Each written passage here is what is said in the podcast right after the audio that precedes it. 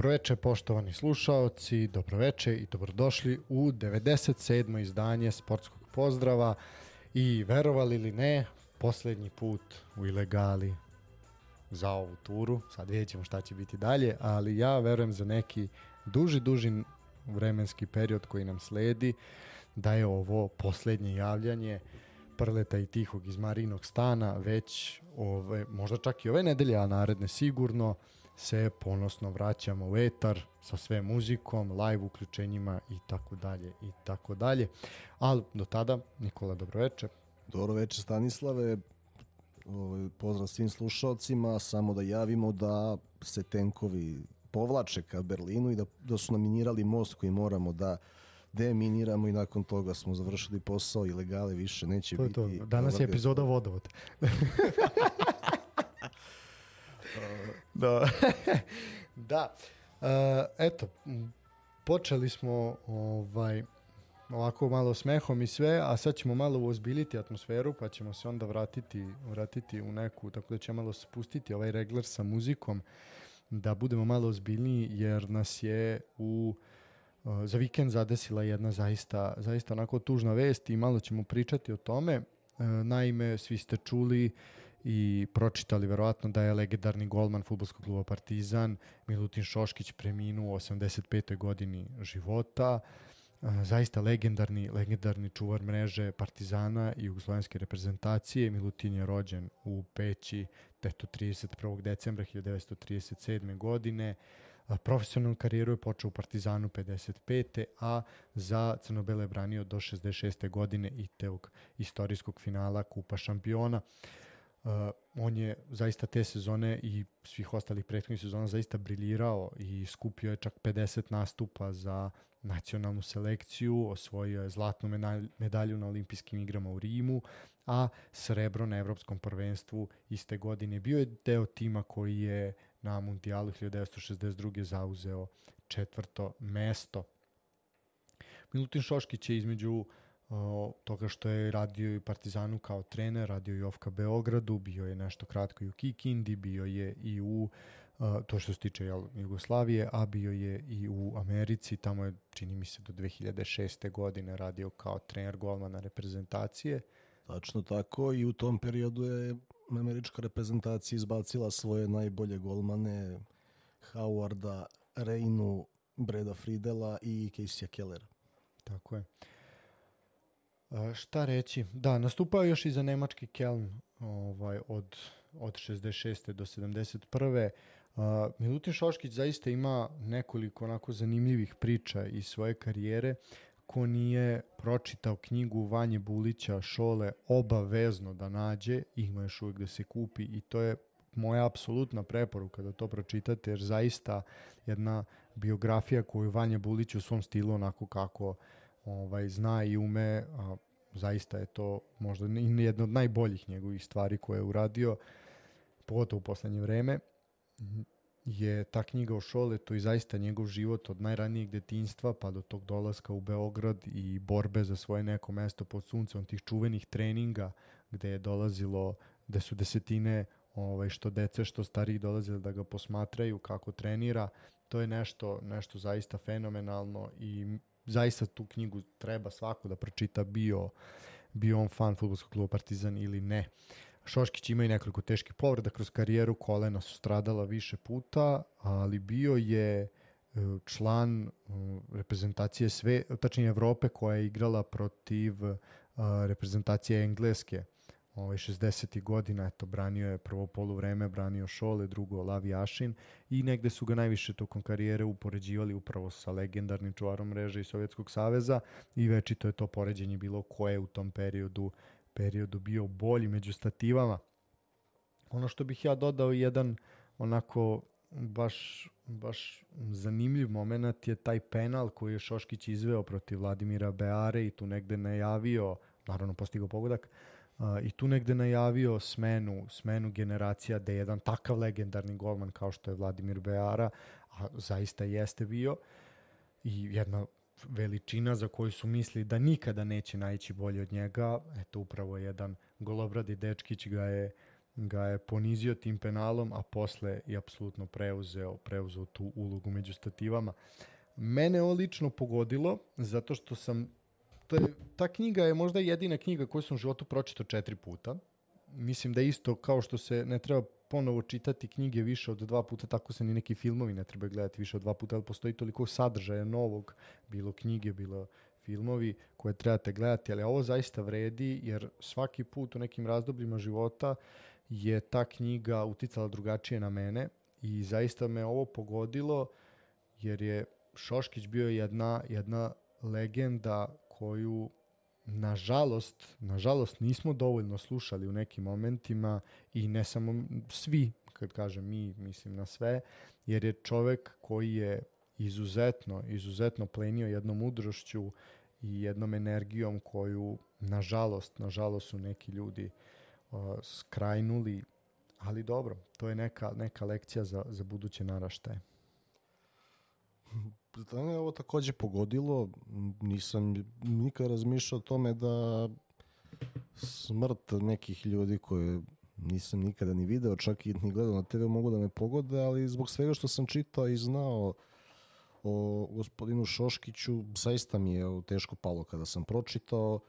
Ono što bih dodao jeste da je bio učesnik i prvog kupa šampiona. Tako je. Tako da se sastao sa Real Madridom dva puta i prvi put je svakako kao i ostatak tima bio oštećen, što je Santiago Bernabeu kasnije priznao. 66. pričali smo mnogo puta o tome šta se desilo.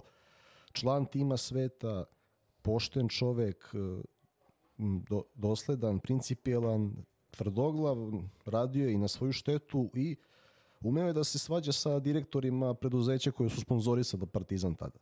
Nije, nije nikome ostaje, uža nikome nije oćutao. Tako da što se mene tiče, ne vidim veće golmana države čiji je glavni grad Beograd kako god da se ona zvala i kolike su god da su je granice.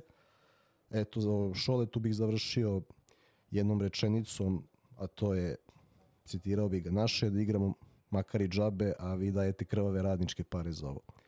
Najveći Milutin Šoškić.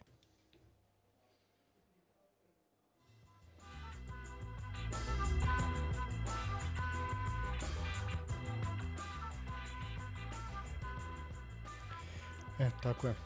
Otišao je, otišao je Šole, nažalost je, a sad sam vratio muziku jer sad ćemo malo da pričamo ovako, ovaj, nažalost je od ovakve, pre svega legende, ovaj, ali ovakvog čoveka, umesto da taj neki oprošta i to sve prođe onako kako treba i recimo najskorije je bilo ono za Ivicu Osima u Sarajevu i da tako nešto pri, pri, upriličimo i mi ovde, uh, odmah su se desile neke trzavice i neke, po meni, iskreno, budalaštine i nazvaću ih tako, a to je da uh, gradonačelnik Aleksandar Šapić nije dozvolio da se ovaj, u prostorijama Skupštine grada, Novog Beograda, tako?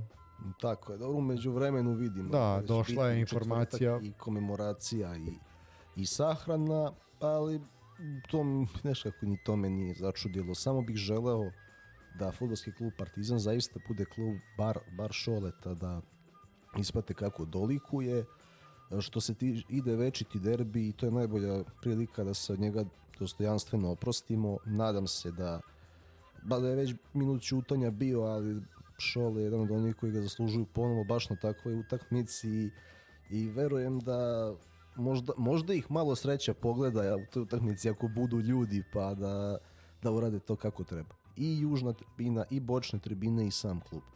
On je to zaslužio. Apsolutno. Ono što bih ja dodao još da je uh, Milutin Šoškić paralelno, a to se tih godina dešavalo i to je bilo negde normalno da ljudi i sportisti učestvuju i igraju u više različitih sekcija nekog kluba. Na primjer, Milutin Šoškić je paralelno bi igrač i rukometnog kluba Partizan i to nije bio golman, nego bio igrač igrač u polju i to čak u sezonama dok kad je već uveliko bio reprezentativni golman i osvajao titule s Partizanom, naprimjer 64. godine čovjek je igrao rukomet za Partizan, što je onako u današnjim nekim okvirima nezamislivo. Nezamislivo i nemoguće obzirom na obaveze koje profesionalni sportista ima u današnje vreme, ali to je to je ta neka šoletova večita dečačka energija, harizma i znaš kako bi ja ga samo pamtim sa snimaka Skupština Partizana ili nekih drugih dešavanja, sve, svečanosti gde, gde vidiš onaj njegov osmeh i znaš, u- uvek, uvek se šalio, uvek je znao da dobaci kad treba, ali isto tako da se uozbilji kad treba i kaže nešto pametno. Tako da je zaista, e, izraz legenda se danas koristi i suviše često Da, da, i postaje ofucan, ali ostali smo bez istinske legende. tako je, tako je, apsolutno. No, mislim, možemo mi posvetiti, posvetiti celu, celu emisiju jedan put Milutinu i ne samo njemu, svakoj, svakoj legendi, evo za ovih 97 epizoda mnogo smo ih zaista istinskih izgubili, ali moramo ići dalje i moramo pričati o onome što se dešavalo, a svašta se dešavalo u prethodnoj nedelji i svašta je pred nama baš onako se zakuvalo poprilično. Uh, pa ja bih počeo, ja bih počeo sa uh, uzvratnom utakmicom, što bi rekli Zvezda i Makabija. Uh, Crvena zvezda je, sada je već onako, da kažem, euforija i prašina se slegla nakon toga što se desilo i sad možemo mirno da pričamo o svemu tome. A, plasman u Ligu šampiona izborio je pre svega tim koji je bio fizički spremniji, to je definitivno. Apsolutno. Uh, Zvezda je u prvom poluvremenu delovala dobro, imala je 2-0 u 43. minutu golima Pešića u 29. Ivanića u 43. Pešić se jako lepo snašao kod tog prvog gola Ivanić, nema šta da se kaže, dobar udarac. Međutim, uh, bio je jedan isterac za Makabi, svi ste to već videli, neću puno prepričavati, Boren jeste odbranio i onda je primio jednu glupost, onako žestoku. Da bi onda eto u 90 i nekom minutu u, čula se ta sad već legendarna mene jako zanima kako se osjeća taj navijač koji je dunuo u pištaljku ili šta god da je izazvalo taj zvuk i zaustavio igru da bi se onda vratilo i da se izvede i onda Pavko postiže sad već legendarni autogol u stilu Augenthaler, ali dobro, na tom stadionu se to dešavalo. Tako da, mene samo zanima kako se taj čovjek osjeća i da li će ikada više u životu to uraditi. Mm, To, znaš, to, Znaš, to je vrhunac neke gluposti koje ono... E, to je, kad ne razmišljaš, u, u dva pravca. Jer to je ono, jao, daj, da, da nešto samo da, da mi pobedimo, ma nije bitno ni da i pare i pojačanje i sudiju i sve samo da smo mi prvi. I onda dođeš u taj stadijum i neka će se desiti da, da pogrešiš. A, Što se tiče same utakmice, ja bih napravio jednu paralelu, iako rezultati prvih mečeva nisu isti, drugog jesu, a to je veo- veoma slično sa dvomečom Larnake i Partizana. Jer dva puta imamo da je srpski tim gubio vođstvo na strani, poveo kod kuće i završila utakmica 2-2 ispad.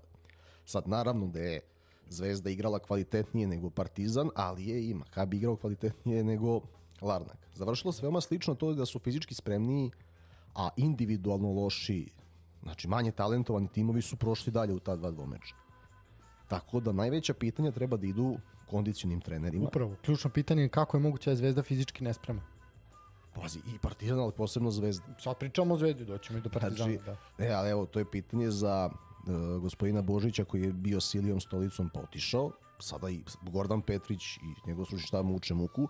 I sa druge strane za kondicionog trenera kako se, ja prezime sam zaboravio gospodinu iz Italije, Aha, da, jasno. Ako znam na koga misliš, E, da, da, nije, ni- nije ni koji je ono sve vremeno pogođen, ali sam zaboravio, uglavnom čovek koji je Dejan, čovek od poverenja Dejana Stankovića. I mislim, dobro, mi jesmo konstatovali ranije u emisijama da Dejan Stanković počinje da igra fut, najbolji futbol, njegova ekipa počinje da igra od septembra, druge polovine septembra, početka oktobra i to se desilo dva puta u grupnim fazama. Ali ovo je sad, sad je već ovako upaljivo. Ajde, on, sa Omonijom si igrao na jednu utakmicu, pa penali nisi imao sreće. Verovatno bi mo- prošao možda revanš. Ali šerif i Makabi gotovo Makabi, identično. e, jači si, kraj priče. Nije, nije, ne, ne možeš nazvati, ne znam, sad tragedijom. Nije Kairat. Ali... Uh, Nije tragedija, ali jeste. Da, mislim ono kao, da. Pa neki tako tragično doživljavaju. Sad da diskutujemo o tome činjenice, uh, Zvezda je u prvom polovre, oba prva polovremena pokazala da je bolji timom Makabi. Jer Makabi onaj iako je poveo tamo, nije mogao da prati ritam, Zvezdin preokret, pustio je jedna šanse tamo. prosečna ekipa, mislim, ne da sam... E, ali dobro trenirana ekipa. Barak Da, da. Bahar nije bez razloga pravio uspehe u Hapoel Berševi. Sada to ponovo radi sa Makabijem iz Haife I to je to što smo pričali, u prvom polovremenu su uspeli uh, da budu agresivniji futbaleri Zvezde nego u prvoj utakmici. I koridore dodavanja su im u određenoj meri zatvorili. Makabi je zaista dobro trenirana ekipa i vi čim ne igrate dovoljno intenzivno protiv njih, niste na lopti, Da, da. malo su veće distance, biraju fenomenalna rešenja. Tako je, jer je Zvezda za 180 plus minuta igre p- poka, ono, pokazivala kvalitet u talasima, u mahovima. I normalno je da će takva ekipa koja je, jeste možda slabije kvaliteta, ali konstantnija da će to iskoristiti. Mislim, to je... I pazi, šta smo govorili u prošloj emisiji i interno ovako između nas. Zvezda je bolja i ako bude dva razlike na polovremenu, to je to, bolji su i mislili smo da će i biti. Išlo je ka tome, ali šta smo rekli, ako bude utakmica, ako bude dvomeč u egalu, nerešeno ili samo gol prednosti na polovremenu, da drugo polovreme može biti problem i da može biti panično. Moja inicijalna prognoza jeste bila 2-0 polovreme, 3-1 kraj. I išla je kad to onda penal i Borjan odbrani i rekao, ah, dobro, sad sve ih ide, to je to, prošli su. I povukao bih još jednu paralelu između Borjana i Stojkovića, a to je, ne znam kako se to dešava ovde tim golmanima koji se dugo zadržavaju, nesumnjivo imaju kvalitet da vremenom bolje brane penale nego udarci za 30 metara. Pošto da. si Vladimiru Stojkoviću to dešavalo, dešava, sada se da, des, dešava i Borjanu. Mislim, i nisu bez razloga Suma i Natho davali golove u derbiju kakve su davali. Posebno ovaj Nathov koji je mogao komotno da brani prošle sezone. Znači, to je sada već upečatljivo i gol Šerija gde se nije pomerio, sada ovaj gol koji je apsolutno njegov. Mislim, sad da sad nešto kritikujemo Borjan, on je spašavao zvezdu, Masu puta, da. ali tu si pogrešio. I desilo se to da Zvezda uopšte nije dala odgovor. Sad se to priča o izmeni Kange, ali oni prvo nisu igrali dobro ni tih 10 minuta do izlaska Kange, a ono što je mene neprijatno iznadilo jeste način na koji je Kings Kangva odigrao po ulasku. Jer je imao dobar meč u Haifi dok nije prebačen na poziciju levog krila. I ja sam stvarno očekivao da ih on podigne, on ima nesumnjivo futbalski kvalitet, ali on to nije uradio. I stvara se izuzetno veliki pritisak njega i Bukarija, to je jedna specifična slađionica Crvene zvezde, tog jezgra domaćih igrača, gde se uklap, koji možda kontrolise specifičan trener koji poznaje klub, upliva možda i navijača, nekih struktura. E, stranci se tamo mnogo teže uklapaju ako ne donesu instant kvalitet. I vidim već je st- jednostavno brzo sa gore. To vidimo na primjeru Falka koji nije mogao da proigra odmah, na primjeru Pićinija, Baka Joka, ranije ne znam je Bisilija, Tomanea zbog onog penala. Samo nestane, nema, nemate futbalski na mapi. Ben i Kanga su uspeli. I zato su tu, oni su drugari, oni su dobili pasoše, ali sad se na ova dva momka stvara veliki pritisak zbog dve To što utakmice. su pokazali da nešto mogu. A, apsolutno mogu. Mislim, zapravo su više starosedeoci, ali generalno starosedeoci su u padu. Tako je. Da nije, da, pazi, da nije došao Pešić, koji, on, on poznaje situaciju, on je povratnik, da nije bilo Pešićeve energije u dve utakmice, ja ne znam da li bi Zvezda posvojila loptu gore, posebno u drugim polovremenima. A i još kad je, kad je došlo do njegove povrede, kad su ostali bez energije koju Pavkov nije mogao da donese, niti je taj profil napadača, tu je apsolutno bio kraj. Da, mislim svakako ono što treba spomenuti, a to smo pričamo već od 3-4 epizode od kad smo počeli ovu sezonu, a to je da e, je Zvezda u, u ove mečeve koje donose elitno futbolsko takmičenje i zaista ogroman novac krenula bez pojačanja u zadnjoj liniji. Mislim, Milunović je stigao prakasno, ali krenuli ste bez desnog beka, s jednim levim bekom, bez pojačanja u zadnjoj liniji, a tu je zaista, zaista gorelo. Tako da za, postavljaju se neka pitanja, ok, jeste javnost bila uzdrmana dva dana i to je, to je onako utihnulo. Crvena zvezda će igrati uh, grupnu fazu Lige Evrope ja iskreno mislim da im je tu i mesto. Da oni imaju trenutno kvalitet da igraju tu Ligu Evrope, možemo odmah reći i grupe. A, Crvena zvezda je znači u na žrebu za grupnu fazu Lige Evrope izvukla sledeće protivnike, a to su Monako, Trabzonspor i Ferencvaroš. A, jedna ozbiljna grupa, jedna ozbiljna grupa. Znači imate ozbiljnog imate turskog šampiona iz prošle godine imate Ferencvaroš koji je znao i ozbiljnijim ekipama da uzme da uzme bodove čak i da ih izbaci iz Evrope i imate Monako koji će svakako biti biti nezgodan protivnik. Jedan oz, mislim veliki, fra, velikan francuskog futbala, ne tu sad šta posebno pričati o Monaku. Ozbiljna grupa, ozbiljna grupa.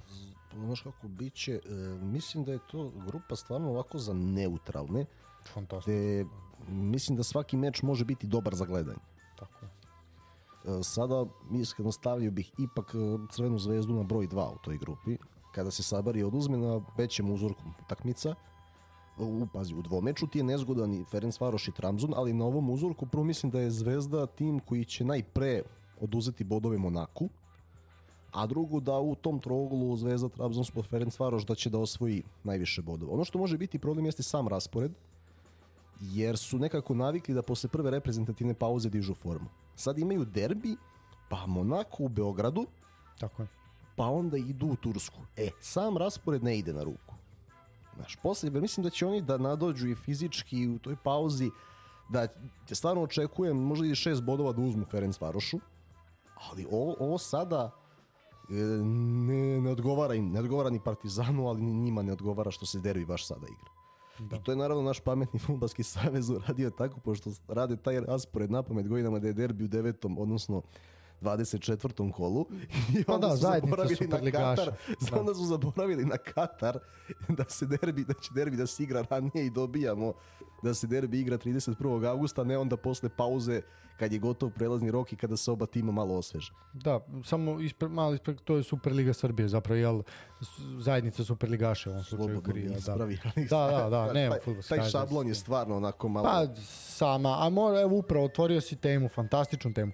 Prošle nedelje smo pričali i pretprošle o tome, a ovo je sad uh, odmah da se zahvalimo našim drugarima sa stranice Futbal i politika koji nam i ove nedelje šalju, šalju temu i jedan tekst koji ćemo sad mi malo razraditi. Uh, oni su prošle, god, prošle nedelje i mi smo to pričali u emisiji, znači pokazali na to šta je patriotski čin uh, u razmišljanju dve države na različite načine, kako se odlaže, šta se odlaže, kako se pomaže klub i tako dalje i tako dalje. Pričamo o Haifi i o Makabiju i Crvenoj zvezdi.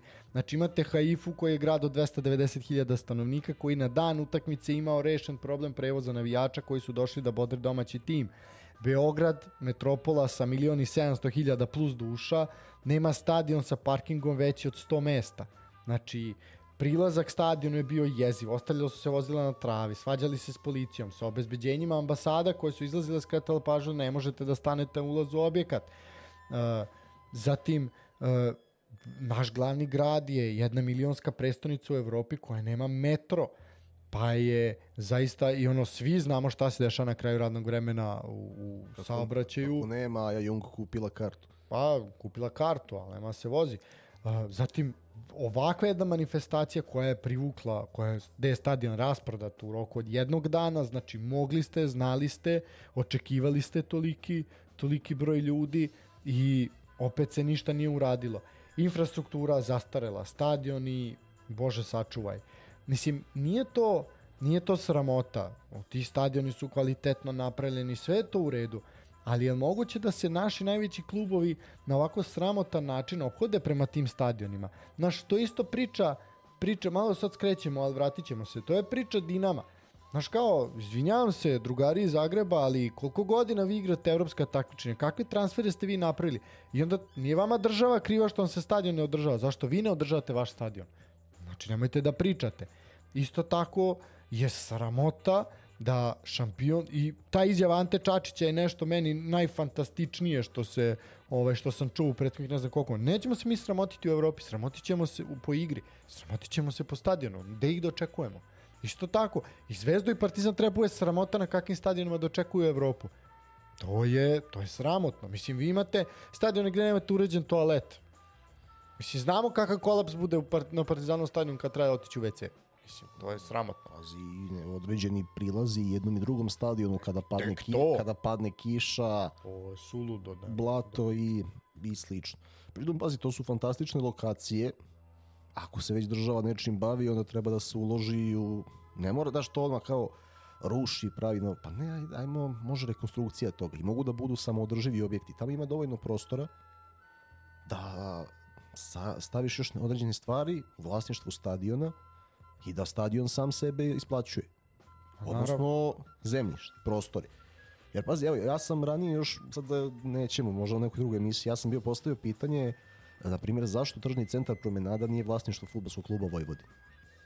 To je to. Smatram da bi trebalo da bude i na taj način ovaj, određeni troškovi se pokrivaju. Ali to su neke druge teme. Da vidimo mi... Da, mislim ja Ovo- samo, samo kratko ćemo ovo još završiti. Na primjer, Izvini. da, bi izjavu, pazite sad ovo, znači Sundgren, ovaj odbranbeni igrač, je uh, Šveđanin je rekao da dok je prolazio kroz tunel da sve smrd, da je ceo, ceo tunel i sve da je smrdelo na smrdelo na mokraću. I čekaj, čovjek je to izjavio za novine i, i nas nije sramota toga, nego mi pričamo o nekim stvarima.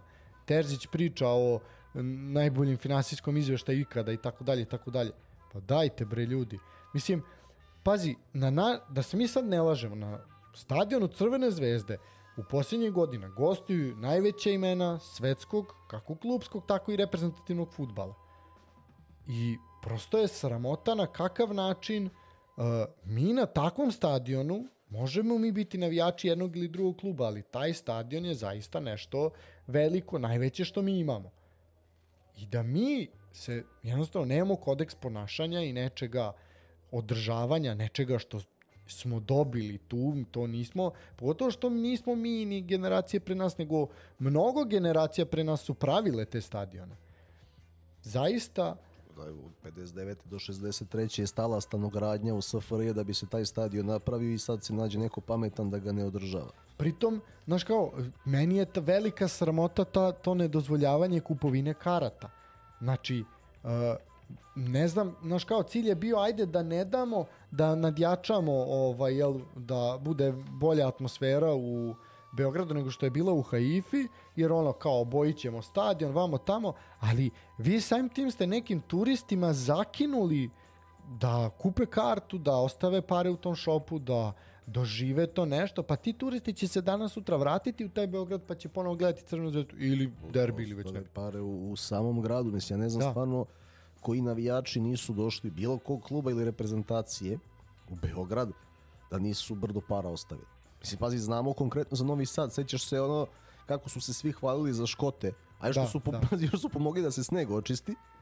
Kaže, mi, mi znamo da, da ćemo da izgubimo i da loš igramo, mi smo došli se zabavimo i da vidimo nešto. Svi kažu da su Škoti znači, ostavili novca u gradu, hvalili su se time mesecima. Tako da ne verujem da je išta drugačije u Beogradu. Samim tim treba da im omogući oživi adekvatan pristup. Svaka, mislim, neće ih pored vas 55.000, neće ih doći ni 10.000. Mislim, to je nego lepo napravite ambijent dva pravca, ali treba ih pohvaliti ko se ne znam cifru koja je bila navijača Makabija, napravili su odličnu atmosferu. Pa dobro, bilo je to to što ide po, po razmeni, po pravilu, jel da moraju da dobiju. Ne, podržali su svoj tim na adekvatan način, ovako su veseli, ve, veseli su i zabavni nekako, vidio sam po njim snimcima kada je Natho bio sa njima na aerodromu, stvarno jedna Da. zabavna grupica koja bodri svoj tim i eto, svaka čast na zasluženom plasmanu u Ligu šampiona, dobro vođen tim, Bar, Bahar nastavlja gde je stao sa Hapoelom, ne znam sad još pazi, ako se oni pojačaju, mogu, mada im je grupa, mislim da im je teška, Jako ali teška, da. ali su zanimljivi za gledanje ako im se ako neko ako ih neko podceni za biće zanimljiv. Tako je. Uh, ajmo dalje. Ajmo na Partizan, tačnije Hamron i Partizan. 3-3 je bila na Malti. Partizan je ušao u grupnu fazu Lige konferencije, drugi put zaredom. Uh, što se tiče tog izdanja na Malti, to je Evo tako... ja ne, odmah ti kažem da neću da ga komentarišem. Neću, da, ja sam pro to, to je zaista za svaku osudu. Jer smo rekli ovde nakon 4-1 obzirom na to da traže način da se osveže fizički, a da im ne ide u prilog zbog derbija, ja sam ti rekao će dozirani intenzitet i na Malti i otaljavanje u Kragujevcu. I videli smo, Jedno i drugo doći ćemo i do Kragujevca, idemo redom, videli smo jedno i drugo. Promijenjeno je e, 4-5 formacija u toku meča, neko ovih mečeva i mislim da je cela point toga što Partizan radi jeste da Milojević, Milojević ne zna kako da sprema derbi. Evo, ako mene pitaš. Mm, Ja bojim se da ne ide sve tako duboko umno, ali ajde. Bojim se da ne zna ni Partizan kako da, šta da uradi, pa zato se tako rotira. Ali ajde, nadamo se da je ovo što ti kažeš, bilo bi bolje. Uh, s jedne strane, zaista se jeste igralo na jednoj livadi, uh, katastrofa, znači tu nema priče, ali to zaista nije opravdanje. Uh, I sve može da se nekako razume, ali ovakva odsutnost energije, borbenosti, ova metiljavost, zaista, zaista za svaku osudu.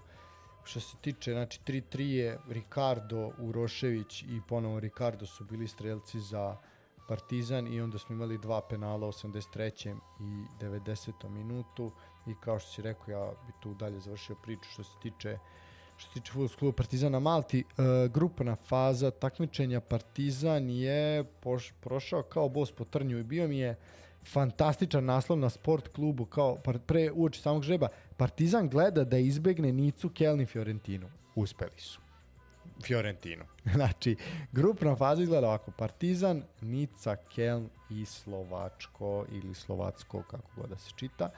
Klub iz Češke, sasvim logično, ako je Slovačko. Ovaj, prva utakmica 8. septembra upravo u Češkoj. Zatim, zatim Partizan dočekuje Nicu. E, karte, koliko ja znam, nisu još uvijek izašle. E, izašle su za derbi, to ćemo pričati, ali za ove utakmice, koliko ja znam, nisu još uvijek izašle, ali pretpostavljam da će biti biti poprilično udaranje po ušima kao i prethodne sezone. Tako da ću... Pa, ja očekujem 1. septembra objavu za karte. Znaš, s jedne strane, ako se pobedi derbi, odmah idemo vest karte za, znaš, ono, na optimističan način preosljene te vesti. S druge strane, ako se ne dobije derbi, onda dajmo da znaćemo navijači kartama za Evropu. Tako da očekujemo četvrtka da pripreme to i vidjet ćemo cene. Mm, ja se samo, ono što se intimno nadam, pošto evo, Partizan Nica se igra 15. septembra, ja se nadam da ni RTS-u, ni, ni sport neće pasti na pamet da zovu Nenada Bjekovića za neki specijalni program, pošto je igrao za oba kluba. Mislim da to... Oće, već su najavili. To je odmah da ti kažem da su već najavili. Uh, ko? Arena. Um, moje srce to neće izdržati.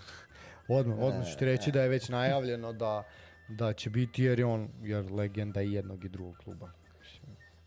I to je upitno. Ajde, pa dobro, uh, igrao je, ajde, makar to. Ja, ovaj... Pa onda što, može za Kel, može za Ekajoć. Pa kad već nema šoleta, nema neka bolja opcija. Dobro, pazi, Zeka nije dečko kojeg je neprijatno slušati, samo da. ga je telo izdalo, pa ga nije baš bilo prijatno gledati, ali nije samo ni on kriv za to. Tako je. E, to je to što se tiče Partizana i grupne faze. Rekli smo protivnike. Uh, ono što je svakako odjeknulo tog dana kad je bio žreb, a to je odlazak sa klupe Dejana Stankovića. Uh, prvo jedna stvar koju ja moram primetiti kad budemo sad komentarisali Dejana pre nego što pređemo na Super ligu, a to je da uh, je neverovatno koliko je čovek ostario za dve i po godine na klupi Crvene zvezde, kakav je bio, pronađite sliku kakav je bio kad je došao, sećamo se tog debija, mislim upravo u Indiji da je debitovao sa Odelom i Rolkom, sa kosom na, na glavi. Na Banovom brdu je debitovao. Na Banovom brdu, da. Dva, dva lepa gola, u njegovom stilu su ih dali i Njegoš Petrović i Veljko Nikolić. Da. Tako je tada bio obučan, svi su komentarisali to Odelo i tako dalje i tako dalje. A otišao je Ćelav sa bradom, ovaj, gde je večito Nema, ali meni nije, ono nije imao i određenih zdravstvenih problema u imao je, da. Pre, pre dolazak u Zvezdu i dok je bio zaposlen u EFI, meni on sada bolje izgleda, Zvezda ga je preporodila malo čak i u tom smislu i zdraviji je, samo što mu je, do, dosta mu je verovatno i tog pritiska koji Zvezda nosi. Znači, da vidimo i po njemu i po Milojeviću, da je u, iako, znači imaju, mnogo im je lakše da rade nego u Partizanu iz više Da, razloga, ali da je dve i po godine neka mera, evo vidiš i za jednog i za drugog koliko su potrali na klupi, što je opet Tako je. uspeh za srpski futbol odnosu na neke ranije periode. Da. A, svakako. E sad, šta da se kaže, tri, tri ispadanja, tri puta nije uspeo da dođe do a, Lige šampiona, Crna zvezda, jel? A, Dekiju se to najviše, najviše zamera, ali eto, uzeo je titule i to se negde i onaj potez je po meni bio zaista šmekerski kada je pozvao i Milojevića da i on podigne pehar, što je svakako onako, jeste šmekerski potez, može mi reći Deno Stakvić ovako ili onako, ali izbaci on šmekerski potez tu i Ja tamo. neću, a to je, znaš kako, i ja neću to, možemo mi ovako ili onako, i ja, ako, evo, kao navijač Partizana, mislim, mislim, nikad se nismo krili. Ako o nekom neću da kažem loše iz Crvene zvezde, to je Dejan Stanković. Tako je. On i Vladimir Jugović, recimo. Pa ne, nisu, e, Nikola Žikić, zašto? Isto, isto, da, Gle, da. Nego, ljudi su se uhvatili za te, mislim, on je stvarno umeo da nas zabavi konferencijama i Bilo je svega, pogotovo kad je došao, da. Ali ako, ako uporedimo izjave, a pritom se najduže zadržao na klupi, čak i koji mesec duže nego Vladan Milović. Ako gledamo izjave usmjerene prema Partizanu, ja od kad pamtim najkorektnije ko se ponašao prema Partizanu kad dođe derbi, čak, čak ni suptilnog podbadanja nije Da, da, bilo, da. to je Dejan Stanković. Apsolutno, Ja sam razliku prvo- od Milojevića, na primjer. Pa on je, znaš, to je bilo, meo, ono, tipa, on je video gol sa 70 metara za klupe, pa setimo se Grofa Božovića, izjava prosinečkog, eh, ko je tu, da ne pričam o Lalatoviću, Da, to, doći ćemo i do Latovića. ali, danas, ali, eh, zaista, ja sam prvo mislio, pošto je došao u periodu kada još Savo Milošević bio na klubi Partizana, da možda ćuti zbog Sava, da se, eto, sa njega će da izgrali, znamo koliki je deki zvezdaš, međutim on je nastavio tako da se ponaša i to je za svako poštovanje. Drugo, zbog nekih stvari koje znam preko kontakata iz medija, kako se ponašao Dejan Stanković u situacijama kada je trebalo naći novac za određene stvari, lečenja, inkubatore, kako je reagovao još dok je bio u Italiji, mogu samo da mu skinem kapu. Znači, to je, to je ono, znaš, da imaš osjećaj prema društvu i zajednici, kad ti Bog da nešto. Tako je. da uzvratiš. Dejan Stanković jeste od tih ljudi. Plus pomoć prijateljima, da ne pričamo o tom. Drugo, on jeste, nešto ga neće dvomeči. Čak i oni u kojima dobro igra, kao Milan i Rangers, nešto ga neće. Prolaz, sam prolaz. Znači, ispade Kluž najozbiljnija ekipa koju izbacio dvomeču. Ali sa druge strane, dve sezone Lige Evrope, 22 boda Da, da. Uz adekvatnu igru. Pazi, uh, Vladan Milojević je pobedio Liverpool, ali Dejan Stanković se 180 minuta nadigravao s Milanom. Dobro, Milan nije baš Liverpool, ali, Nije, ali ali treba se nadigravati sa njima. Ja ne verujem da bi Vladan Milojević ili neki drugi trener Zvezde imao taj pristup, toliko hrabar. ja ti garantujem da ta utakmica između Crvene zvezde i Liverpoola da se odigra još 55.000 puta, da više ni jedan put zvezda ne bi pobedila. Pa ne, može li Pavkov na treningu da pogodi onako? Ne, pa Prvi to, može, to je ali jedna, drugi gol. To je jedna, jedna Tako- utakmica koja Znaš. se desi. Tako da Dejan Stanković je uveo prvo u, preko, znači Miloš Milojević on je dobio posao u Zvezdi zato što ga je Dejan Stanković doveo i odabrao za prvog asistenta. Imao je on dobru reputaciju iz Švedske, iz Mjalbija pre toga, ali Dejan Stanković ga je uveo u sistem Crvene zvezde kada je Milojević otišao da radi samostalno u Hamarbi, doveo je Nebojšu Miloševića, Ove, tako da e, adekvatno ponašanje prema svojim saradnicima, prema protivnicima i e, pre, prema igračima i prema javnosti. Za to da li je on nešto gramatički ispravno rekao, je drugi par opanaka. Ja nisam video neko ružno ponašanje Dejana Stankovića za ove dve i po godine. Bila je ona na početku jedna mala rasprava sa, sa upravom Indije, baš E, za to nije bila prva utakmica, ali među prvima. Da, među, među prvima je bilo da ja sam Ovaj, bilo je nekih e, provokacija, pa se deki okrenu. Mimo toga ne vidim ništa strašno. On je veliki ja srpskog futbala i tako treba i da ga tretiramo. A drugo, i on je i sam primetio, evo, nisam uspeo treći put, odlazim neka dođe neko ko, ko će možda uraditi bolje. Apsolutno. E sad upravo spomenuli smo Miloša. Miloš je pa negde po meni logičan i logičan i jedini pravi izbor koji može u ovom trenutku da se desi. To je Miloš Milojević. Apsolutno čovek koji, kojem treba dati šansu i ja mislim da uopšte mm, uprava Crvene zvezde ne da nije pogrešila, nego su uboli pravo, pravo u metu.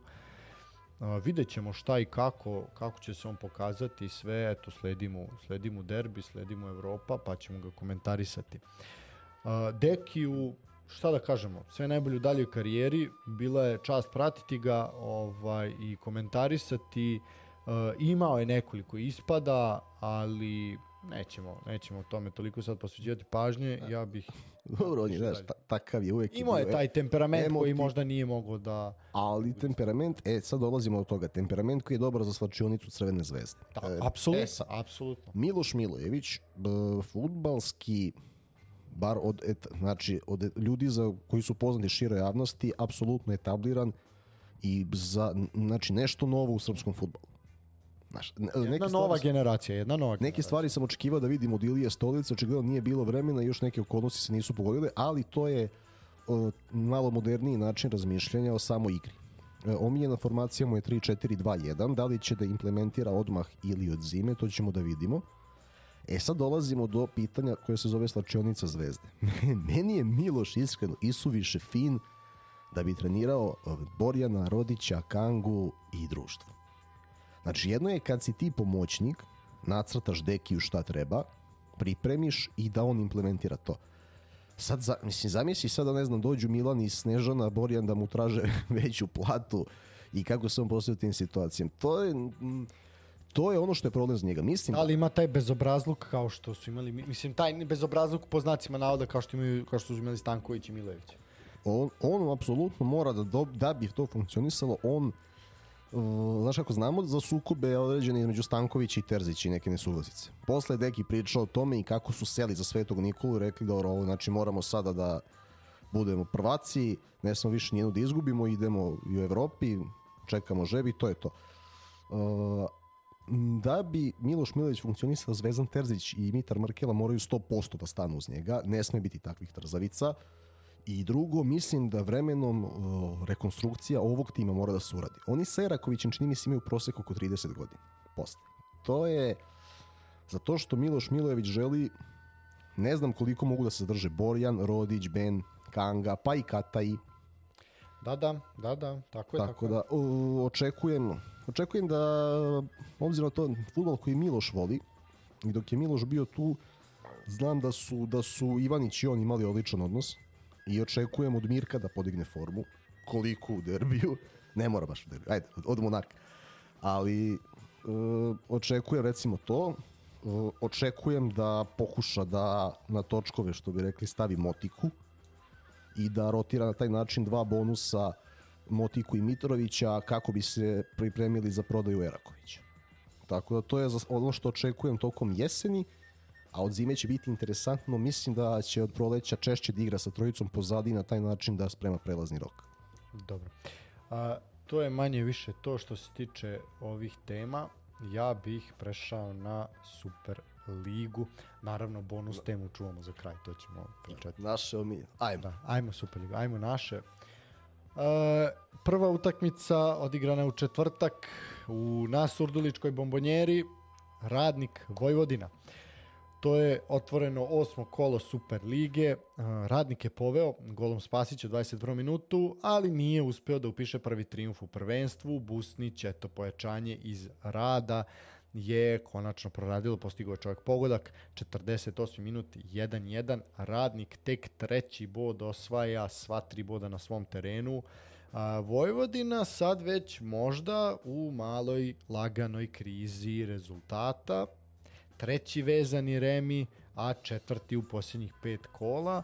Onako, sve još uvek dosta mirno u taboru Vojvodine, nema nekih naznaka krize, ali onako sad već sad već se to polako pokazuje da ruku na srce, obe ruke ću staviti na srce, Vojvodina je išla znatno oslabljena. Nije bilo Veljka Simića, koji znamo da je motor ekipe, falili su ti još mnogi igrači, i jednostavno se to osetilo. Osetilo se da Vojvodina kad igra u najjačem sastavu, to izgleda fantastično, ali kad neko od ključnih šafrova, šafova zafali, jednostavno roster Vojvodine nije toliko jak da može to da nadomesti. To se upravo u ovom meču pokazalo.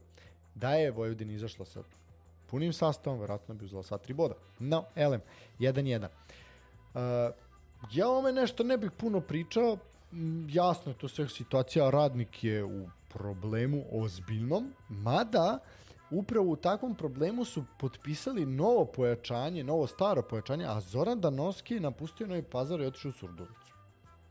Što je meni neshvatljivo. Ja taj transfer bi ja voleo da nazovem čoveka i kažem Zorane, Zoki, brate, aj ti meni objasni.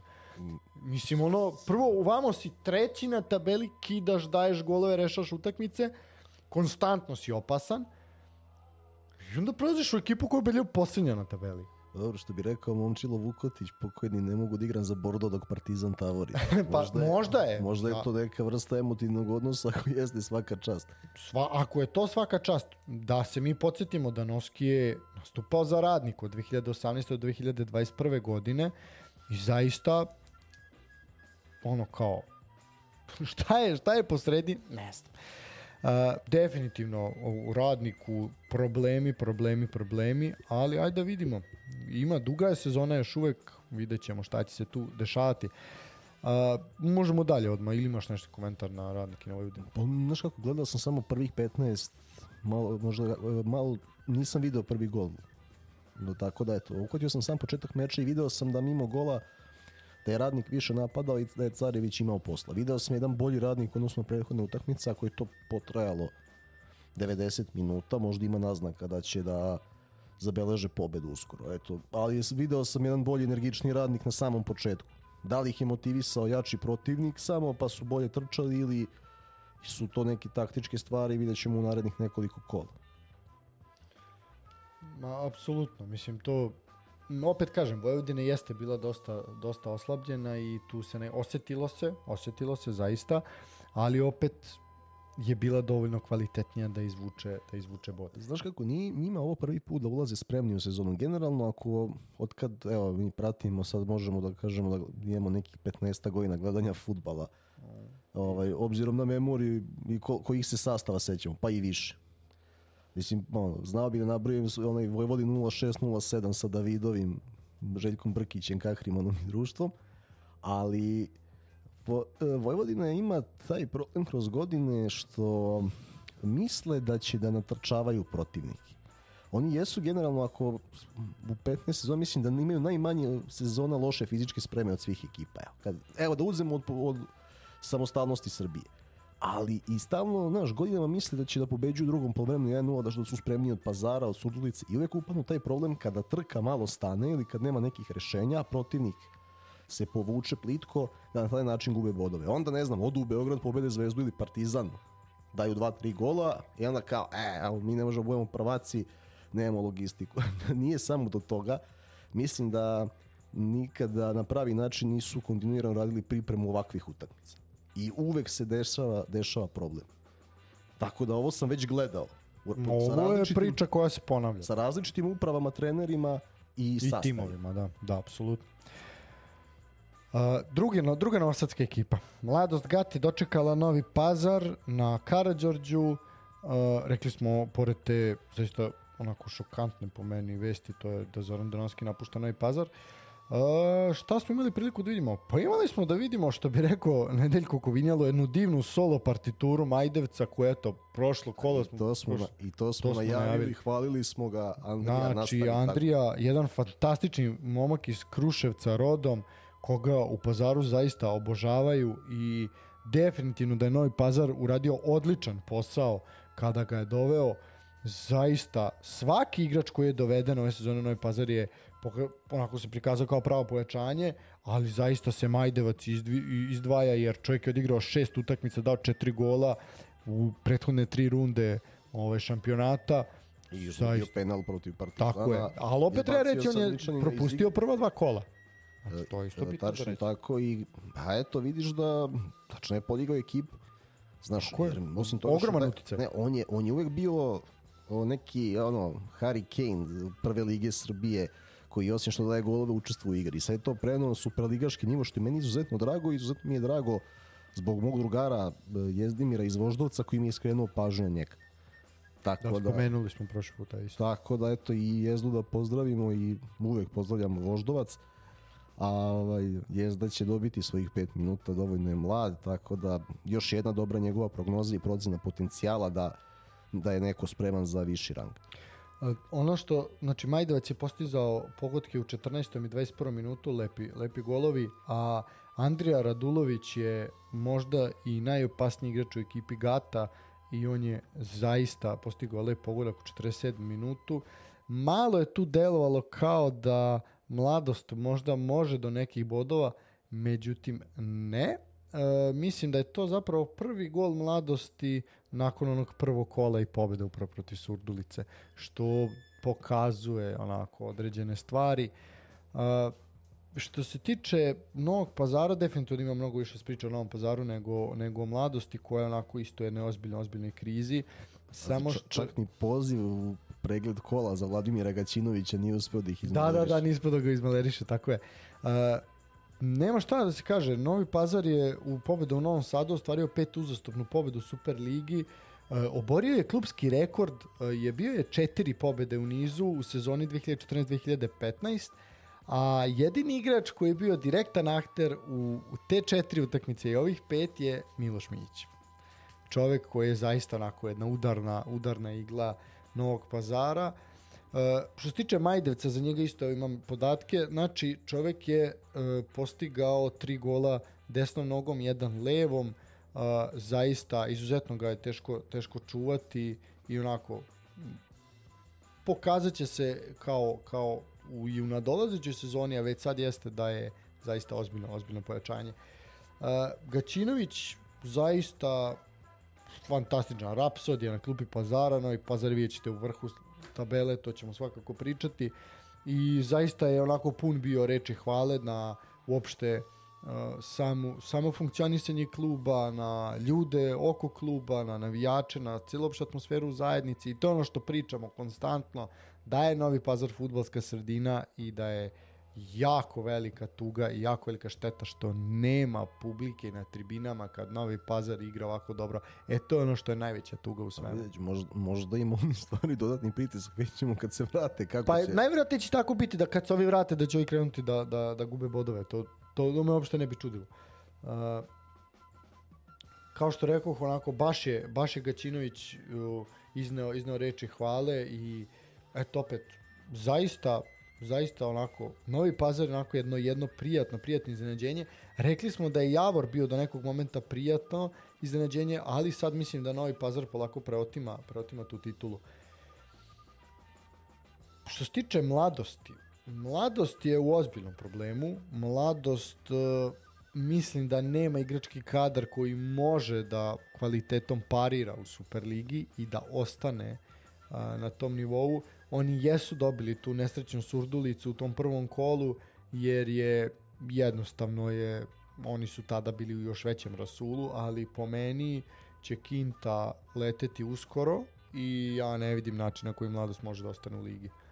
Mislim da nemaju, nemaju kvaliteta za to. Vidim, ne, neće im nijedan trener zadržati ako se ne pojačaju Naravno. Tako da, ali ono što stvara se loša klima oko kluba, e, vraćao sam se autobusom, nisam, nisam bio na utakmici, vraćao sam se gradskim autobusom u periodu kada su se neki momci od 14-15 godina vraćali na novo naselje sa utakmice mladosti. I tužno je što tako mladi ljudi komentarišu ma loši su oprali pare, ušli u ligu i sad će da ispadnu. Što kad se stvara takva klima oko kluba i te vrste pol informacije, a to ne vodi nikud.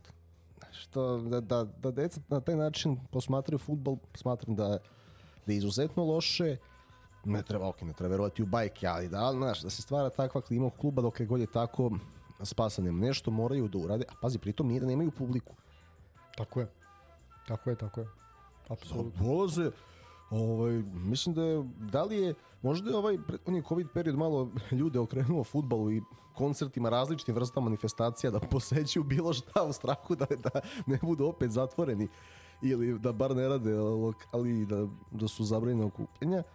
Tako da vidim da ima publike na mladosti, ali kažem ti, loše, loše je ta energija koja se kreira u gradu oko, oko mladosti.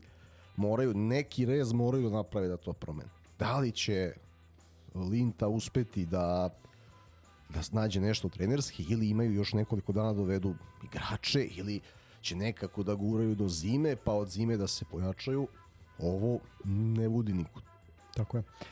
Uh, idemo dalje. Idemo u Niš. Uh, radnički je dočekao napredak u pa jednoj od dve najlepše utakmice ovog kola, a to je definitivno duel između Niša i Napredka.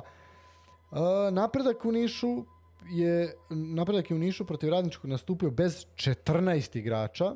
Njih 12 je bilo pokošeno nekim virusom, a dvojica su povređena.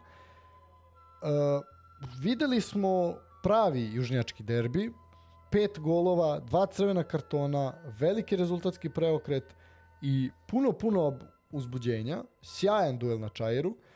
Napretku nije pomoglo ni to što je imao ono već u šestom minutu dva gola prednosti, prvo Krstića pa Bastajića golovima. Eto Bastajić još jedan pogodak za napredak. dobra forma. Tako je. Ne mogu da verujem da sad kad su počeli da daju golove da prime tri. Ne, Da, da, nevjerojatno.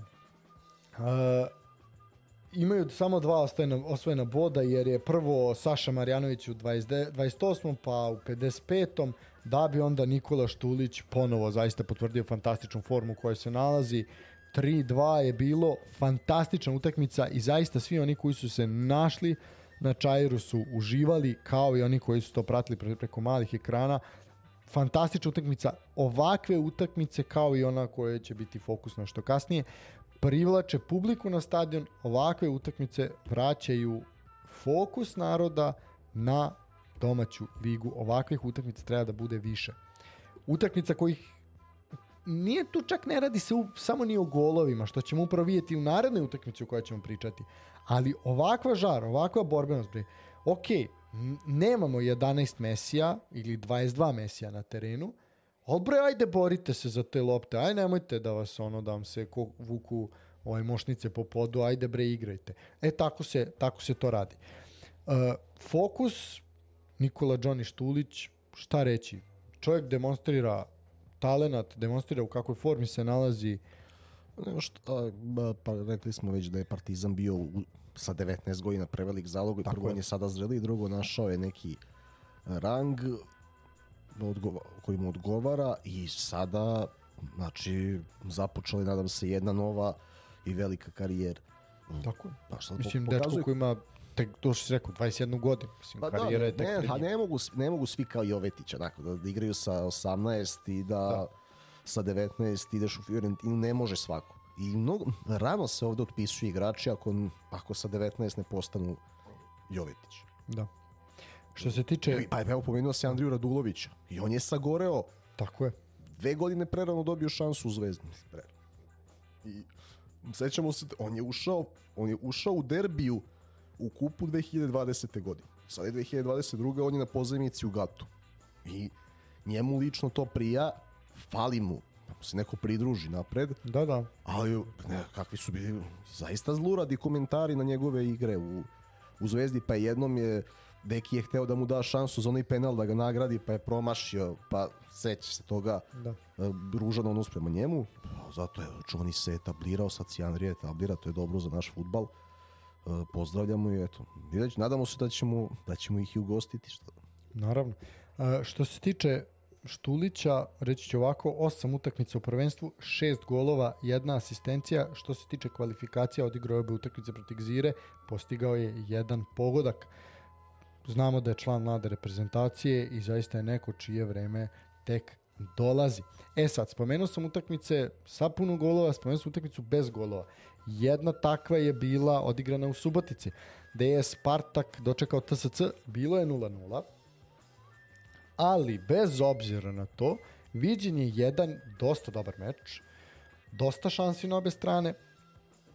TSC je zaista bio bliži pobedi i bliži pogodku. Bilo je više tih nekih boljih i konkretnih napada, ali jednostavno ostalo je 0-0. Uh, Spartak je ostao neporažen na svom stadionu. Uh, nije im to primarni cilj, ali je bitno. Uh, dva remija na svom stadionu zaredom, a evo četvrti nerešen rezultat TSC-a, svaki rezultatom 0-0. E, to je pitanje i ozbiljan upitnik koji se postavlja Žarku Lazetiću. Nije, nije jasno zašto se to dešava. A za, sećamo se kako izgledalo posljednje kolo prošlog prvenstva, kada je, obzirom na to, na raspored najrealnije bilo da TSC pobedi jednu slabiju Vojvodinu od ove u Da. Topoli i obezbedi četvrto mesto. I mislim da je nalog sa vrha takav, ne, ne, mislim vrha klub, Da, jasno da da jednostavno da je Žarko, da Žarko ove godine mora da bude pragmatičniji kako bi bio u prvih pet, jer to će mu onda biti nagrada da ostane u poslu i da dobije pojačanje za Evropu. I ishodno tome, mi nismo navikli na TSC koji igra 0-0, a sad to rade četvrti put. Mislim da je jasno o čemu se radi. ako se ne varam, taj, znači 3 od 4 puta je 0-0, a ta četvrta jedna utakmica koja se izostavlja iz ove serije je poraz od Novog pazara na svom stadionu. To je isto, to je poraz 1-0, znači to je četiri, to je četiri utakmice, niste dali gol. Ono, nije, znaš kako, Banjac je bio njihov De Bruyne. Pa alfa i omega, da. Nije, koliko god da je stiglo novca, nije lako za da zameniš i Doveo si ovog malog iz Voždovca Milosavljevića koji ni ni blizu tog, ni kvaliteta, ni... ni profila. ni pro, ma, naravno. Ali ne može da onda se predstavi on kao zamena. A za neko ko bi zamenio Banjca može da stigne možda na nekoliko dana, mada nemam takvu informaciju, ili u januar. Na A teste to je da, problem. da budu u prvih pet i bez njega, pa će onda vidjeti da se pojačavaju već od januara za Evropu, obzirom na to da su oni klub sa određenim planom i strategijom, na ostatak lige, verujem da vode računa o, o tom. E, dobro, Spartak, nema šta, Slavko Petrović odrađuje posao i nema, tu ne bih nešto posebno komentarisao. Ovaj, ljudi, ono, gledaju, gledaju da ostanu neporaženi kad se otvori pobede, kad se ne otvori, to je to. prošli put sam rekao da me podsjeća na Henka iz Breaking Bad, sad se setio još jedne asocijacije. Ajde. Kane iz Catchera. Uuu. Ovo je, to je to. To je to. Znači, Subotica što se tiče, možeš precrtati što se tiče akreditacije, dobiti je više nećemo. Ili makar bez batina. Ovaj, dobro. da, mislim, ne smemo se sparati sa Zlakom Petrovićem, fizički je jači. I veći. Znaš, tako da nemoj. nemoj ovo. Ne, ne, ne, ali ne, ovo je bio pozitivan koji ja sam volao. Da, da, ne, gledam, mi smo danas. Ne, mi smo generacija koja je gledala Catcher. Nažalost, ali tako je. tako da, ovaj, mislim da bi se on generalno sa svojom harizmom uklopio u tu vrstu show biznisa. Definitivno. Zamisli srpske kečere sa Slavkom Petrovićem. Pazi, znači, ne, i recimo Al- Albert Nađ, kao nešto niži ulozi Rey Mysterio. To bi onako bilo... To bi, pazi, je, kako montiran, znači, E, ali vidi, znači, ali mora biti, mora Palma, mora Palma i, znaš, duel Palma i Slavka Petrovića. ali kako bi znali koji je koji? Znaš, ko ima dioptriju, jebi ga neće prepoznati.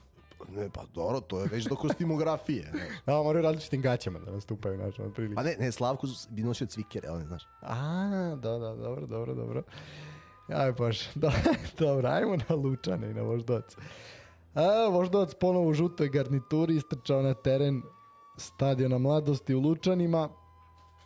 Uh, jedan borbeniji Voždovac, jedan Voždovac, to smo najavili prošli put, gde se vidi, vidi taj uh, nastupajući honeymoon period sa novim stručnim štabom. Ja se nadam da će to tako potrajati. Uh, raspored im ide na ruku, a pobeda u Lučanima, mada, mada, kada neko pogleda, reklo bi se lako, poveli ste 2-0, da, ali je Kruna skinuo penal.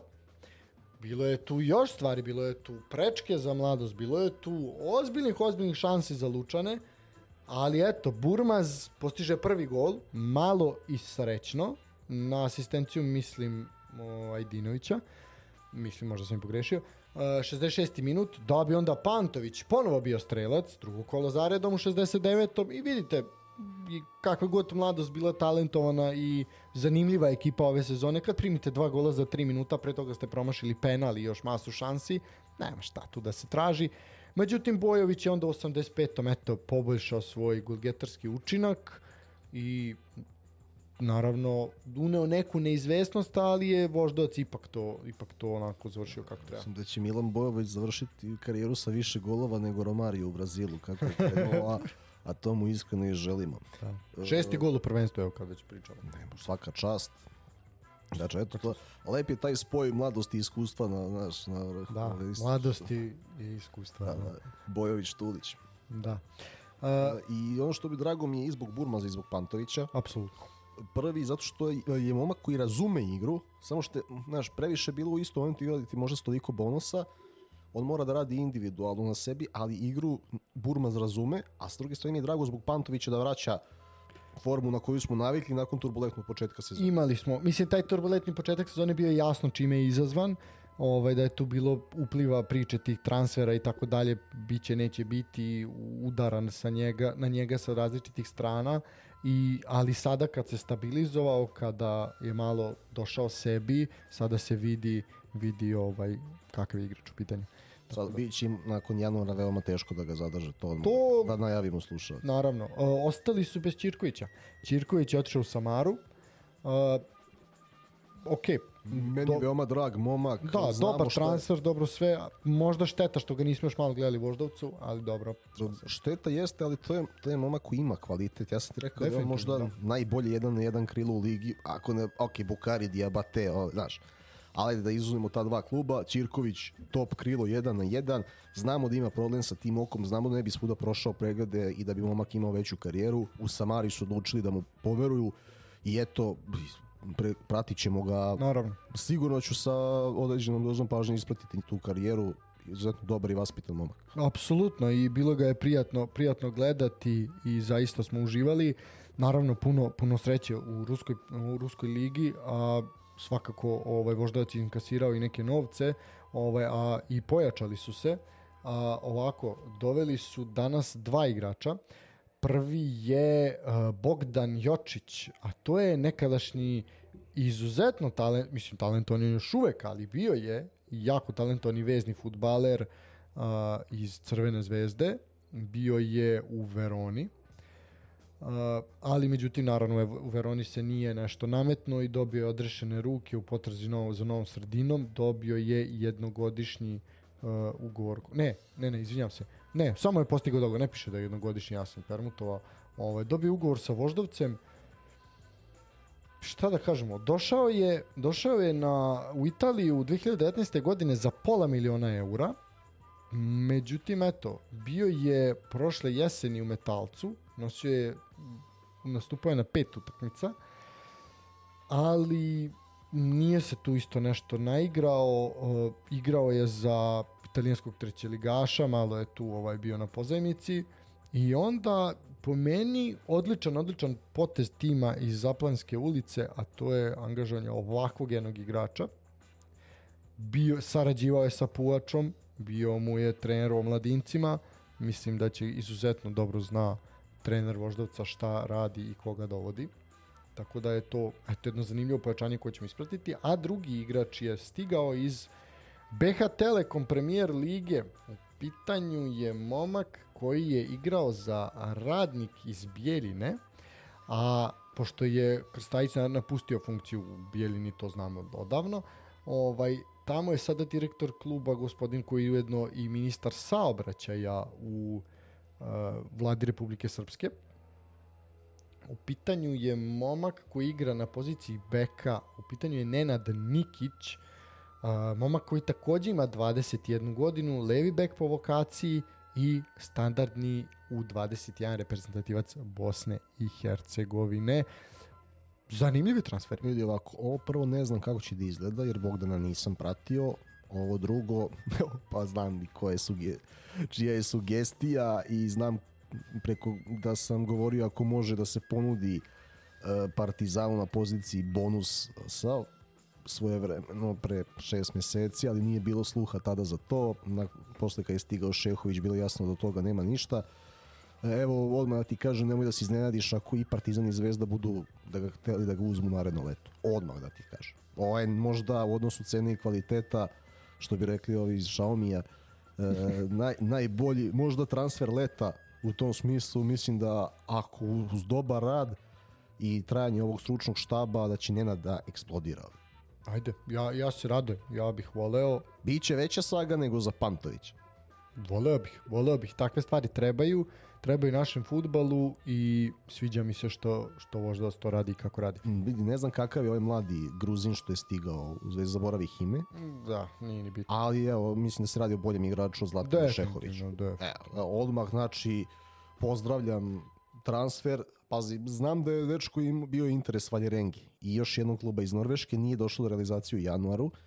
U Partizanu u tom momentu nisam imao kontakt, nije bilo sluha, jer sam mislio da je to rešenje za bonus, jer on bi mogao veoma lako da dobije pasoš i da bude bonus još ovu sezonu kao 2001. godište.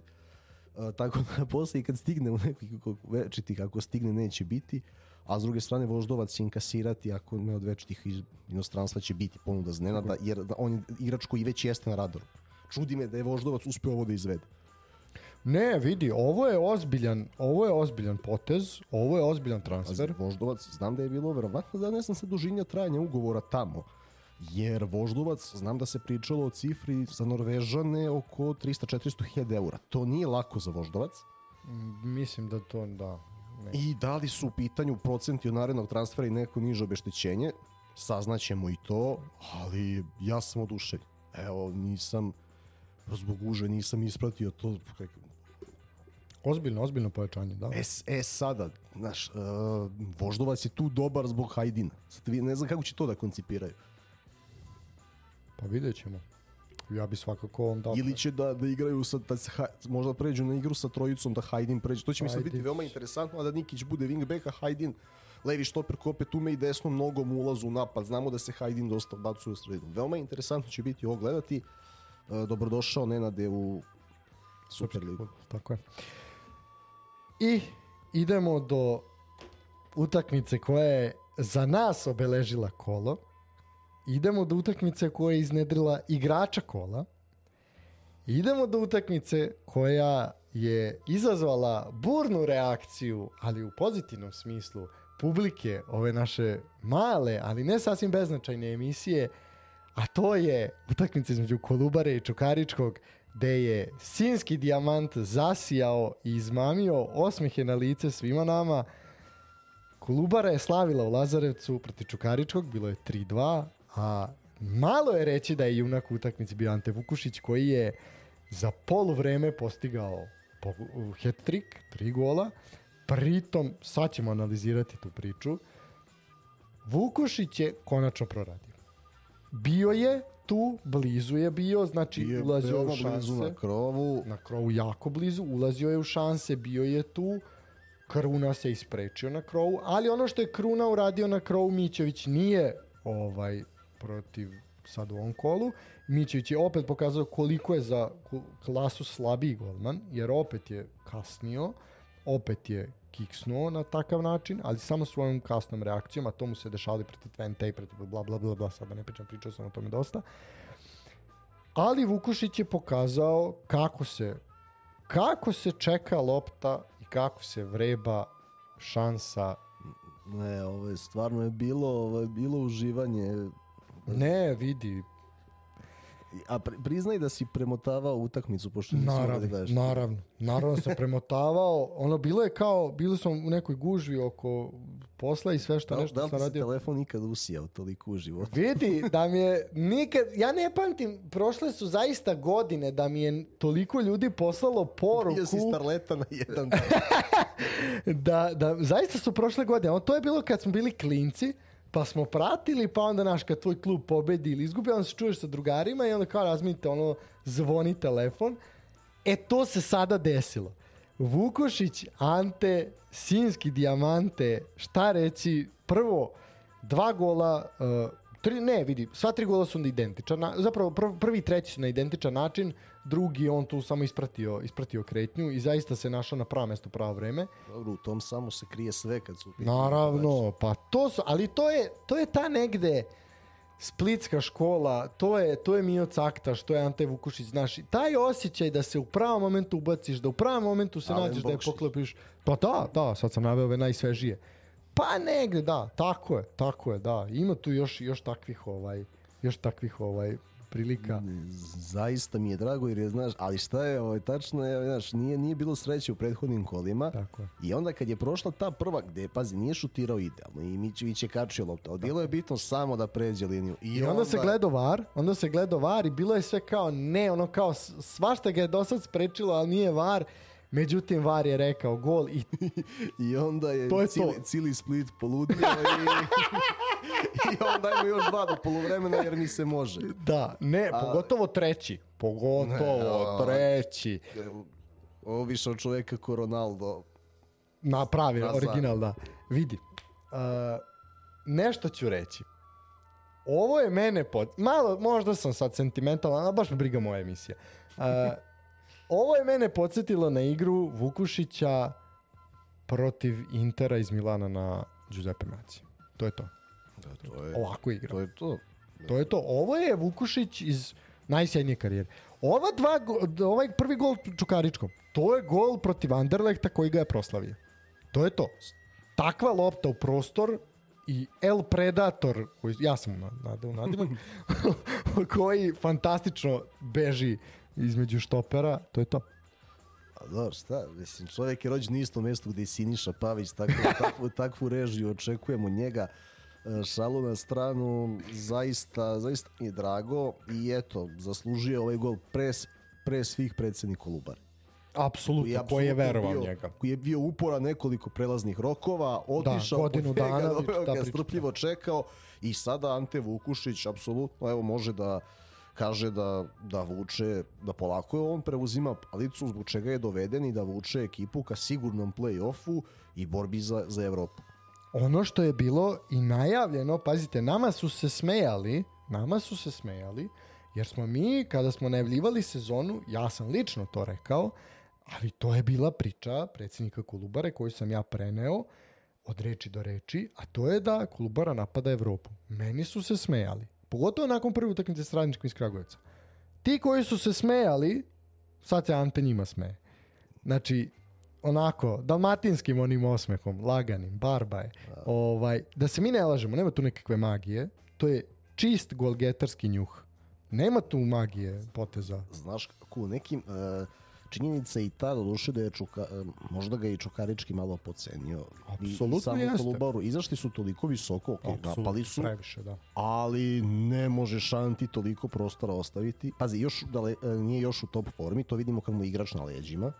Vidimo da, da e, znaš, bilo je vreda da telo nije na 100%, da i on ne voli toliku količinu kontakta, mada nije da ikad i voleo, ali ovako kad mu daš, ali znaš, vidiš kretnju, e, prvi korak sa loptom, kako pregneš, e, tu rutinu, pogled golmanu, obilazak, završnica, to je ono što želimo da gledamo na ovim terenima i e, generalno drugi profili napadača igraju u Superligi. Apsolutno. Imaju šta da, da nauče od Ante. Pa pogotovo Kadrić. Pogotovo Haris Kadrić koji se nalazi u timu Kolubare, koji je mlad igrač, koji ima mnogo da nauči. Znači, Kadrić treba da se zahvaljuje zvezdama i bogovima i planetama što su ga stavljali u istu ekipu sa čovekom koji ima takvo iskustvo životno. Na stranu igrački kvaliteti, ali šta je sve Ante prošao u karijeri, zato ga mi i ovoliko spominjemo. Prvo čovjek čiji je transfer ostvaren, koji je svojim transferom, on je plakao na odlasku iz Hajduka, ali je znao da mora da ide, jer će ti, tih 3 miliona eura spasiti klub, da klub ima da plati vodu i struju. E, ta, A To je ti priča. Pa, pa ti stuta u malom ko kad je, kad je otišao iz Fiorentine pa morao da im da gol i plakao. Da. to je to. Pritom te borbe onda u Italiji da se nametne ovako, onako, uh, priča o tom po, po- pokidanoj plućnoj maramici koju je godinama vukao, gde se na kraju to tek u Rusiji saznalo i tako dalje i tako dalje. Reprezentacija, pokušaj povratka u Hajduk, nije uspelo. Uh, pokušaj Kolubara koji smo sami rekli godinu i nešto dana već to sve traje. Mogao je Ante već prošle godine umesto u Tuzla Cityu Ali opet i taj Tuzla City je sa Antom ostvario neki rezultat. Znači, malo smo se podigli i nešto smo uradili. Ljubljana, Olimpija, sasvim solidan, ne solidan, odličan učinak u, u, u, u Olimpiji. Jedna, jedna zaista interesantna, bogata karijera, poznavanje različitih liga i mentaliteta. Ako ga koristiš na pravi način, ostvariš komunikaciju, takvi igrači mogu samo da ti pomažu u našoj ligi. Ne, znaš kako, kod mene je proradila jedna druga vrsta inata, skratit ću, neću o tome, e, kad je bio taj potpis, i kaže kao, e, zato što, ajde, kao, ajde, znaš da igra, ne znam, negde baš u Beogradu ili ili u Novom Sadu, nego kao ja u Lazarec, tam kako će oni njega da prihvate, evo vidimo Kao su- Boga. pa evo vidimo koje su to zablude. Tako, prvo što mi je drago, znači da se Kolubara pokazuje kao gospodski klub, gospodska sredina, a drugo što mi je drago zbog njega samog. Ali ja, mislim, pa- ja mislim, ako su oni pametni, Ante Vukušić ima jedno deset ortaka, ako izbore plasmu na Evropu, Ante Vukušić može da bude i sportski direktor s kim je sve igrao i koga može da im preporuči. Apsolutno, pa da, pa da. Dak- Ali pazi, Mislim, pazi ako Babi pojačanje. Tošić dovodi Natka, što Ante Vukušić ne bi preporučio. Zašto ne bismo videli, a ima, zašto ne bi videli Anto Ercega? Evo ga. Ante Pa- Erceg čovjek izlazi iz povrede, ne može da se nametne u HNL-u, Dajte Pa ga u ima- našu ligu gore. Mislim, primjer jedan, a, Koliko hoćeš. Ali Naravno. krajnje vreme da te barijere počnu da se promiraju. to je između ostalog moje, ja sam to i rekao kad su me pitali zašto priča o Vukušić toliko. Vreme je bre ljudi da se to zaustavi. Ne vidimo na primjeru Komnena Andrića i Nemanje Glavčića i evo, Komnen je igrao... do- Bože, podsjeti me kako se zvao Zvezdin bek koji igra u Rijeci. Veš- Podsjeti- Marko Vešović. Vešović. Eto, imali ste tu priču. Znači, Pa evo, pominjalo se čak i da će se vratiti. Sava Arangel, čest, imali ste i to. Pa, eto, to. Tu priču. Imali ste ovog malog momka što igra u Subotici, sad igra beka u Rijeci. Ne, to je Glavčić. Pa je Ne, ne, ne, Glavčić, Slaven Belupo. Ne, ne, ovo, uh, Vu, Vuk, ni Vukčević, nego Andrija Vukčević, je li tako nešto? tako je. Da, bek, kratko šišan, igrao, igrao u igrao u Spartaku, sad igra u Rijeci. Nemanja Glavčić, čovek među najzahvalnijim igračima bio u prethodnom periodu u u Slavenu. Elem, da. Vukušiću puno sreće, Vukušiću želimo da nastavi i hvala, ali meni je najslađe od svega je ljudi koji su se javili kao konačno proradio je kao, to je to. Pa, pa meni... Ako mislite da ćemo stati, sad ćemo još gore da bude, sad ćemo da drukamo još više za Anton. O, ne, ja, tako sam se ja osjećao 2017. Ovaj, kada je Leandre Tavamba dao dva gola, ne, gol i asistenciju Kijevu za poluvreme. Onako, To je- da, to je dominantno to, on to igra, to. pošto je, znaš, imao sam to, znaš, Leonardo i Đurđević su prvo bili u prvom planu, on je njima otvarao prostor, nije se eksponirao, a Svilo je dobar igrač. Međutim, znaš kako, kad ti nemaš golove asistencije, ali narod ovaj, gleda to bazično ne prati, onda su ga, znači kad je došao u januaru, do te utakmice u septembru sa Kijevom su mi ga zvali ona i tvoj. E a onda kad sam, kad se završilo poluvreme, Partizan Kijev bilo je 2-0, da ne spominjem što je bilo dalje. Ovaj, da. I ono, ja, ja ono da uhvatim, stvarno sam gledao ono bez, nisam trepnuo poluvreme kad sam se uhvatio zato što je jao ta vamba. Tako da si prošao to i drago mi je zaslužio se, evo ja ti, ja ti čestitam na upornosti i strajnosti, ja sam isto podržao priču o Vukušiću, ali ti si je povukao i sada evo, slušalci ne vide osmeh. da, da. Ovaj, Ne, srce je puno danima, srce je puno danima. Znaš, ono kao, ja sam primio čestitke, ko da sam ja dao golove, razumeš, a ne on. Ja i zamišljam te kad bi izašao sam ispred Mićovića, kada šta bi to ličilo, ali Pa vidiš, šutirao bi isto po sredini koji Vukušić, mislim da bi ga dao, verovatno, ali... Da, elem. E, da, e, što se tiče ovoga, e, golman e, Kolubare je fantastičan bio zaista, aj sad na priču o Anti i sve u redu. Luka Adžić je bio ponovo, ponovo fantastičan u Čukaričkom. E, golman domaće ekipe je zaista opet, opet već ko zna koje kolo zaradom imao zaista zapoženu ulogu. E, onako, prvo je trošio vreme, ovaj, a negde je potrošio sigurno desetak minuta ovaj, utakmice. Ovaj, zaradio je samo jedan žuti karton, imao je nekoliko dobrih, dobrih odbrana, imao je nešto i što zaista nije mogao, a to su ta dva gola koja su pala. Uh, neki utisak je i ajde, ne nismo dugo pričali o suđenju, ja bih sad malo pričao o suđenju, da je Lazar Lukić izgubio kontrolu nad utakmicom, po meni dosta loših odluka. Jako je dugo trajala ta provera kod prvog gola zbog ofsajda. Mada su u sobi bili Novak Simović. E i onda kad vidiš ko je u sobi, onda ti je jasno zašto je to tako dugo trajalo. Pardon. Četiri minuta je trajala provera. Četiri minuta mi ne znamo šta se dešava. Znači to je izgledalo, izgledalo je amaterski. Pa ne, a svaki put izgleda amaterski. Mislim, na što nije sad, nije ovo osmo kolo da mi imao var. Ovo je druga sezona da mi imao var i dalje amaterski. Znaš, Ne znam, ja bih, ja bih nastavio veseli maniru, ja bih još naravno, jednom da, pohvalio... ali, ali ovo se mora, ovo se mora, mora spomenuti. Pohvalio bih Kolubaru na još jednoj zanimljivoj utakmici za. Apsolutno, apsolutno, da. Ponovo pet golova. Istina. Vodit ćemo statistiku baš do kraja sezone da vidimo na čim utakmicama je pao najviše golova. Može, apsolutno. I znači ponovo odlična predstava za gledalce i odlična overtira jer im sledeći gostuje Partizan nakon derbija, vrlo moguće i strpljen, nemaju ne znam koju širinu u kadru i ovaj taman, znači Gordon Petrić mora da misli kako da sačuva sinjskog dijamanta Uh, biće velikih problema, sigurno, mislim nakon derbija da, je, da će to biti derbi kola. Ne znam raspored odavde na pamet, Sad ali... ćemo, sad ćemo proći svakako smo pri kraju. Ali, ova, eto, lepo uvertira da se još jednom napuni stadion. Dobro, sad hoće zbog interes... Vidi, kon, ima on sta, ono neku, kažemo, konstantan broj ljudi koji je tu, ali priča o Kolubari bi je... pozitivno za njih da sada, da ne budu toliko, obzirom da imaju publiku, da ne budu nadjačani od Partizanove publike i da zaista imaju i na takve utakmici protiv Partizana i Zvezde domaći teren. Apsolutno, da, malo je to teško, ali nadam se. Pa neka, vidi, ove pomeraju granice, pa neki pomeraju tome. Naravno, naravno, apsolutno. Mislim, pratite Kolubaru na društvenim mrežama. Kolubara na društvenim mrežama je u top 5 naših klubova što se tiče društvenih mreža. I raduje što konačno ove sezone imamo još, imamo, da kažemo, nove klubove na tom polju koji se jako, jako lepo snalaze. Nisu svi duhoviti kao Voždovac i Javor, ali su ažurni, tačni, precizni, zanimljivi. E to je ono što je bitno.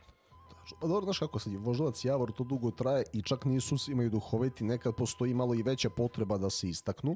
Bude i toga. Bude, ali recimo, A dobro, u to je- Kolubari, ne vidi, u Kolubari zaista imaju meru Ne, i na, znači ne, apsolutno klub, klub, gospodski. u svakom segmentu napreduju. Najprijatnije iznenađenje za mene. O, m, možemo Ne, ne, ne, ne, ne, u smislu igre, nego ge, u, u, Kao ši- u smislu šire konteksta u posljednje tri godine u našem futbolu. Apsolutno, apsolutno, slažem se. Uh, dobro, ja bih išao dalje. Išao bih na Crvenu zvezdu i Javor.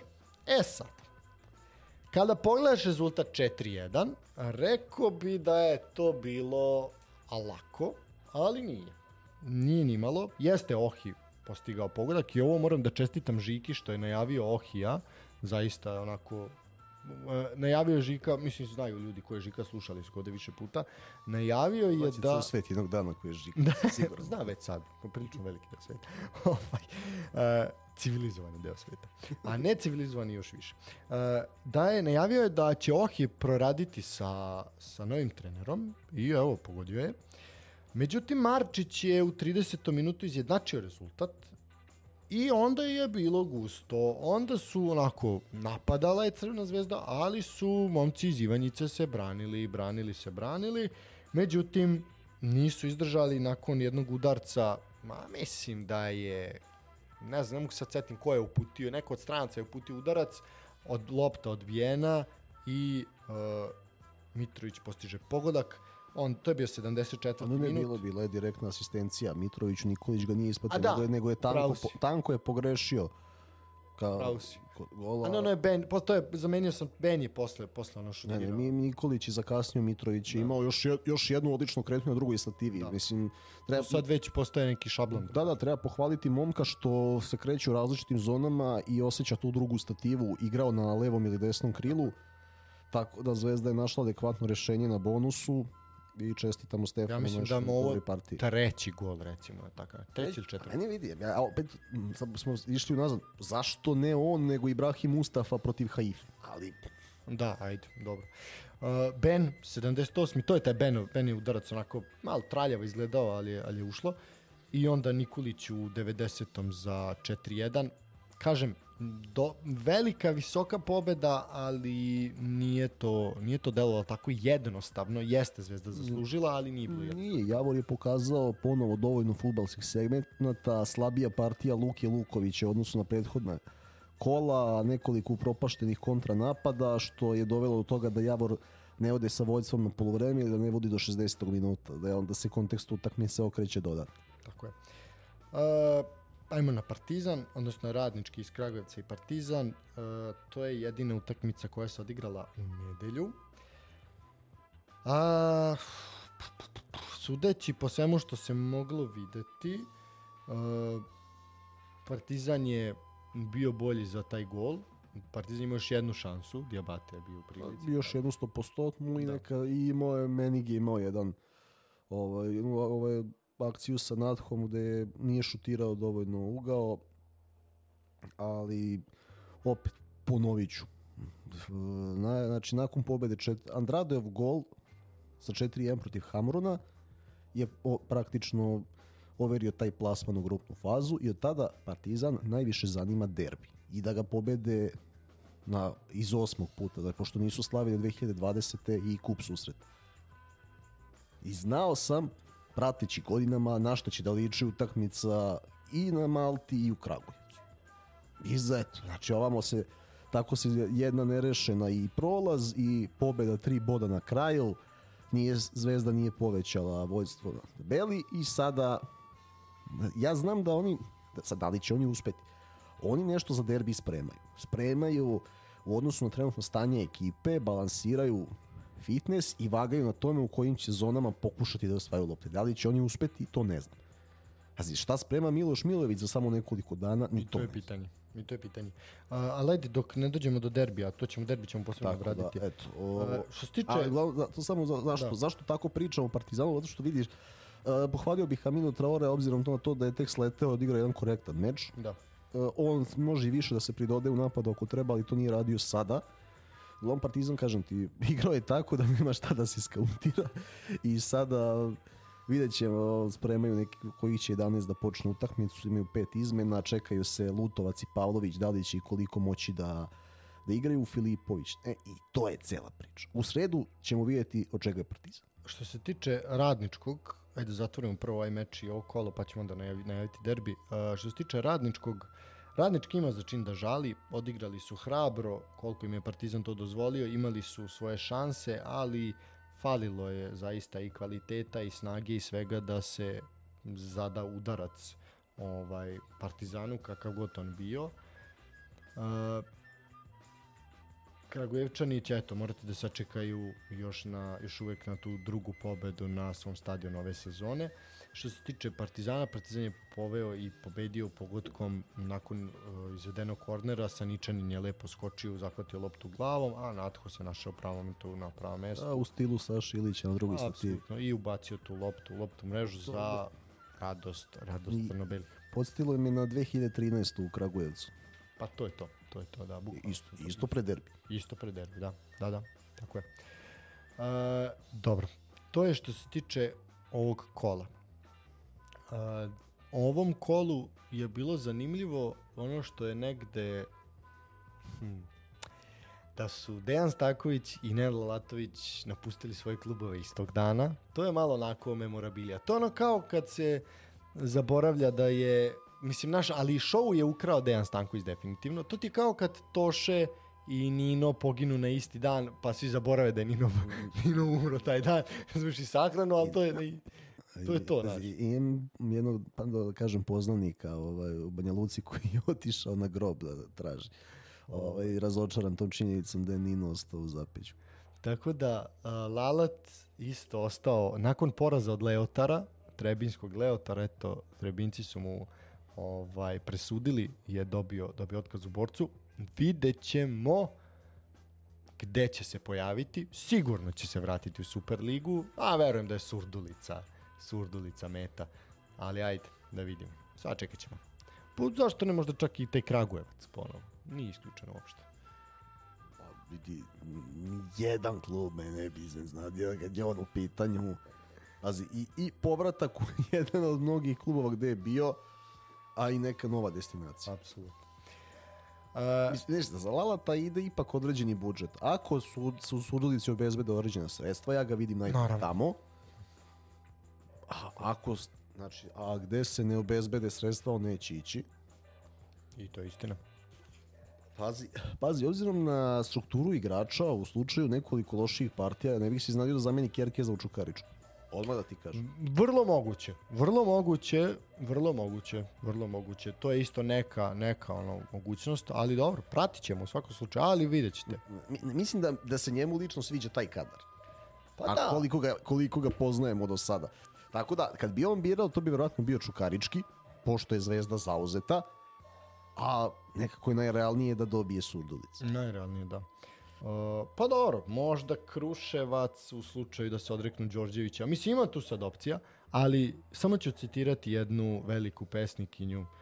Još uvek se sećam aprila, jednog lalata slomljenih krila. Lalate, odmori se pa se gledamo u, se gledamo u Superligi. Jelem, ajmo dalje. Ajmo na tabelu pa na najavu kola. Uh, Superliga, tabela.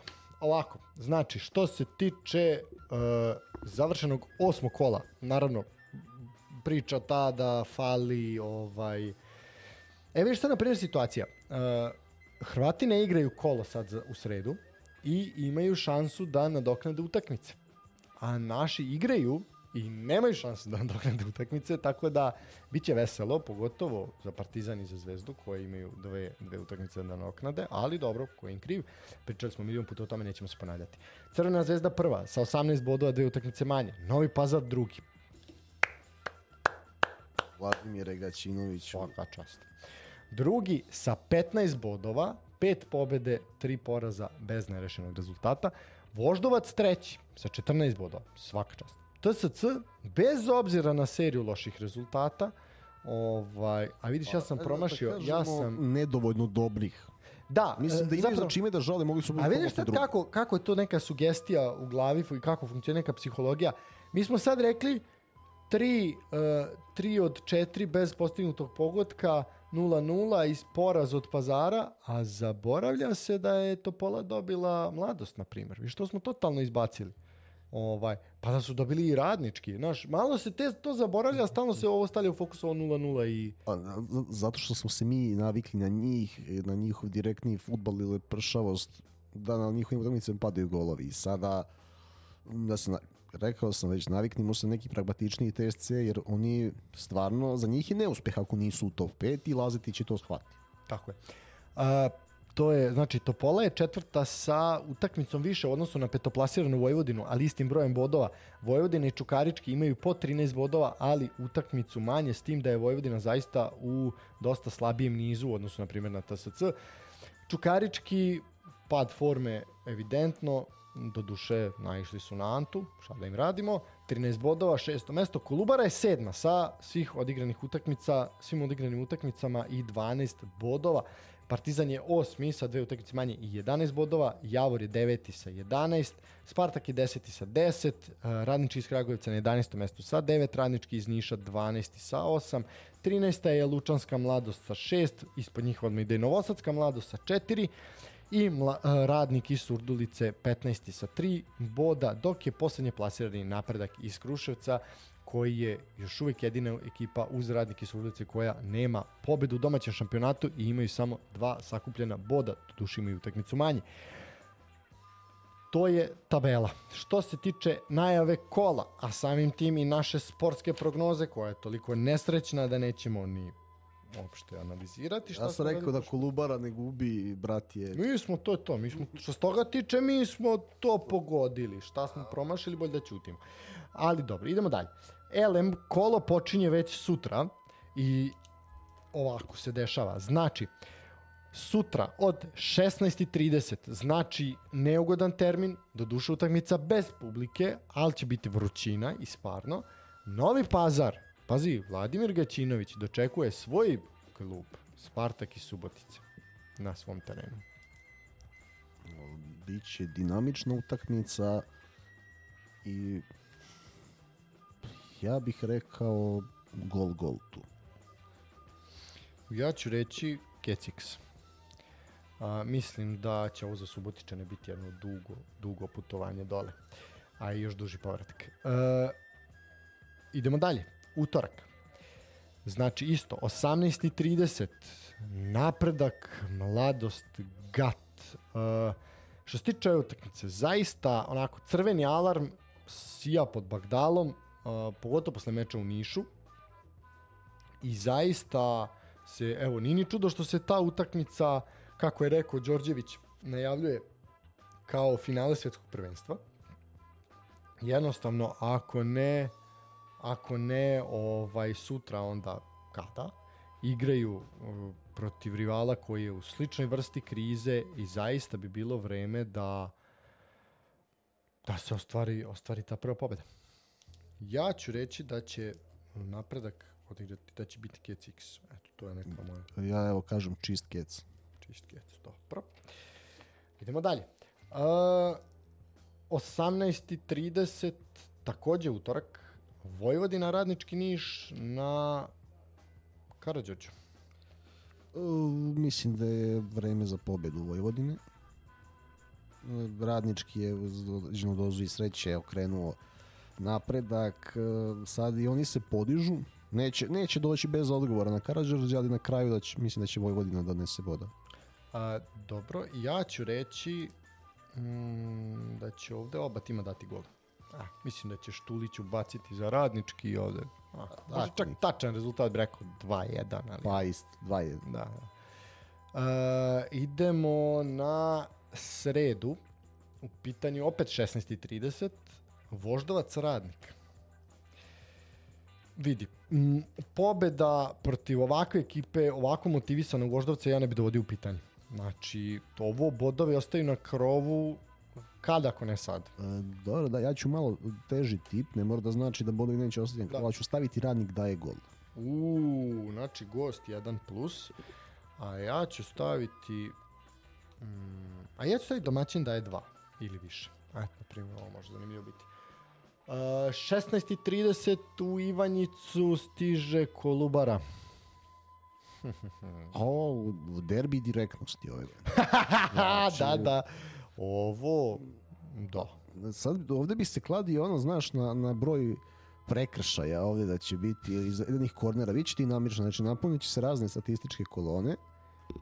E, pazi, pazi tip, 4 plus. Uhuhu, tip kola. To je to. Tip kola. 4 plus u Ivanjici. Oj, oj.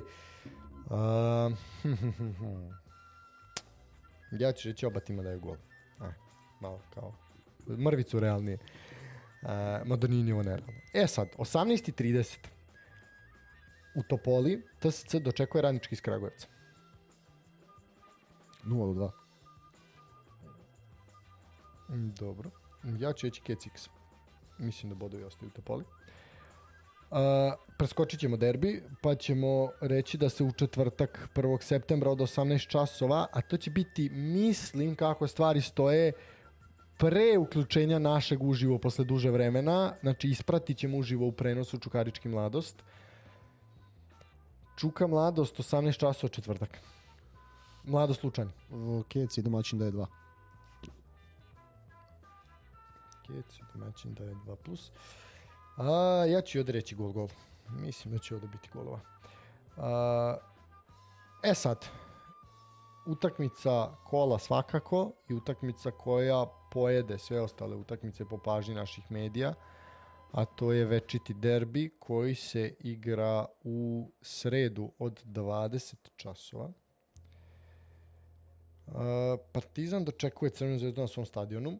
Uh, izašle su cene ulaznica, pa ću ih ja sad pročitati. Uh, ovako, znači cene ulaznica za jug i sever su 1000 dinara, istok bočno 2000, istok centar 2500, zapad bočno 2500, a zapad centar 3000, lože na istoku i lože na zapadu 5000, odnosno 10.000 dinara. To su karte za derbi, naravno sezonske Da li su ovo ulaznice najskuplje karte u istoriji derbija? Ne, Nisu, nisam prošle sezone bilo isto ovako. isto. Da, nije. Ovo je sad već neka, a, neka, to je najskuplja kategorija, najskuplja kategorija utakmica u domaćoj ligi koja, koja ide, znači, m, ono kako je to TSC lepo podelio u tri kategorije, ovo je najskuplja, ovo je najskuplja kategorija i 1000 dinara je i više nego previše, ali ajde. A, ovako je bilo u Evropi, na primjer, prošle godine. To je, to je ta cena. A, dobro, to je što se tiče karata, čuli ste cenu, 20 časova, stadion u Humskoj. E sad, šta očekivati od jednih i od drugih, pravo da vam kažem, pojma nemam. Jedni i drugi, ne znaju ni oni šta mogu da pruže, a kamoli šta mi da očekujemo od njih. Ja verujem da će ovo biti zanimljiv derbi, neće biti 0-0 sigurno, gledat ćemo svašta. U nemaju ruku bit će grešaka, ako i čega drugog. Možda neće biti majestralnih poteza, ali će grešaka biti sigurno pa će se izroditi neki potezi koji će se veličati. Kome bih dao prednost? Ja ću prednost dati Crvenoj zvezdi, ipak. A, mada ne, nisu sjajni ni jedni ni drugi, ali moj tip je za ovu utakmicu da Crvena zvezda neće biti poražena. Ja ću staviti x2. E sad, pričat ćemo o mogućim postavama, mogućem svemu, ali prvo daj, daj tip, pa ćemo onda. 1-0, strelac Patrik Andrade. Uf, dobro. Uh, znači, misliš da bi Andrade mogu biti junak derbija? Apsolutno. Pa ja mislim, imam neki osjećaj da će Partizan postići pogodak, ali da će Zvezda dati gol više ili eventualno jedan. Mislim da će Ivanić biti strelac za zvezdu, na primjer. Njemu leže derbi i mislim da bi to moglo da se desi. Oni najviše leže Kata i nečak da. Ivanić, Ivaniću mm, pa i ne leže toliko, drugo nije dovoljno bio surov prošle godine dva puta da kazni Partizan na Marakanju 90. minutu od tri odigrana derbija na proleće. E, tako da nije mi on prvi pik u Zvezdu. Meni nekako miriši da bi mogao. Ba, generalno da, da, da, u Evropi da i pod Milošem Milojevićem da, u samom derbiju i dalje apsolutno za strelca ako budu u Zvezdi Aleksandar Kataj i dalje ipak. A eventualno, šta misliš? eventualno Ohi. E, upravo to. Ohi je bio moja, moje pitanje. Vidjet ćete kakav će Ohi pometnju napraviti sa Ničaninom ako se ničem bude igrao. To će biti... I pa, eto, rekli smo za Petrića, posvetili smo mu s razlogom pesmu A sam zagatka ili ti Ja sam da. enigma u prethodnim emisijama. E, mi ne znamo će Partizan sa trojicom ili četvoricom pozadi, a sa druge strane to ni Milojeviću nije strano. Znaš, to, uh, derbi će biti zanimljiv u tom smislu i u smislu najavio si greške i jedni i drugi će ih imati na svojoj polovini. Koji god sastav izađu, jer znam, uh, to, to je derbi. Biće dovoljno agresije, ja očekujem pojačanu agresiju od Partizana i sad, pazi, znamo prvo što je sa mnogo sporiji nego što je došao u Zvezdu, drugo što više greši, treće što Kanga, čim nije na 20 metara protivničkog gola, greši. I sad da li će Milo, jako je izuzetno teško da Kanga neće početi, po nekoj hijerarhiji u Crvenoj zvezdi. Uh, drugo strane, Kings Kangva nije briljirao u Haifi nas toliko blizu uh, golu Milena Borjana. Okrenut leđima, određena orijentacija koja je bolja nego kod Kange, ali nije dovoljno dobra za takoviku plitke zone. Um, to je sad, znaš kako, pazi, ovo što sam, ovu prognozu koju sam izrekao, bih bio još uvereniji da je Cimirot potpisao. Ovde se radi o tome kako će Partizan da izbalansira minutaže Fejsa i Nadh. Traore i Andrade su zakucani na sredini i sad se čeka treći ili će taj treći, pazi, možda biti i u možda će početi utakmicu sa tri štopera i onda vidiš, ne znam, ulazi Fejs ili Nadh umjesto sa Ničanim i te, i te opcije postoje. Uh, Partizan će imati problema on, ključ, ključ derbija za priznje kako iskontrolisati defanzivnu desnu stranu, na kojoj je Marko Živković. Prvo zbog skoka, jer nema Filipovića. Dobili smo informaciju od šefa struke da ne, Partizana Petrića da neće biti tu tri nedelje, znači od ozbiljnijih utakmica ga možemo očekivati tek u Kelnu. I sad kako ćeš prvo da balansiraš skok kada prilazi Rodić, recimo kada stiže dijagonala ka Rodiću koji dobro skače, ne kao Urošević, ali dovoljno dobro. I drugo, taj trougao Ivanić, Rodić, Kataj, pa još ako se pridoda Pešić ili Ohi kao špic, mada mislim da će igrati, da će početi Pešić, a da Ohi ulazi u drugom polovremenu, kako braniš to?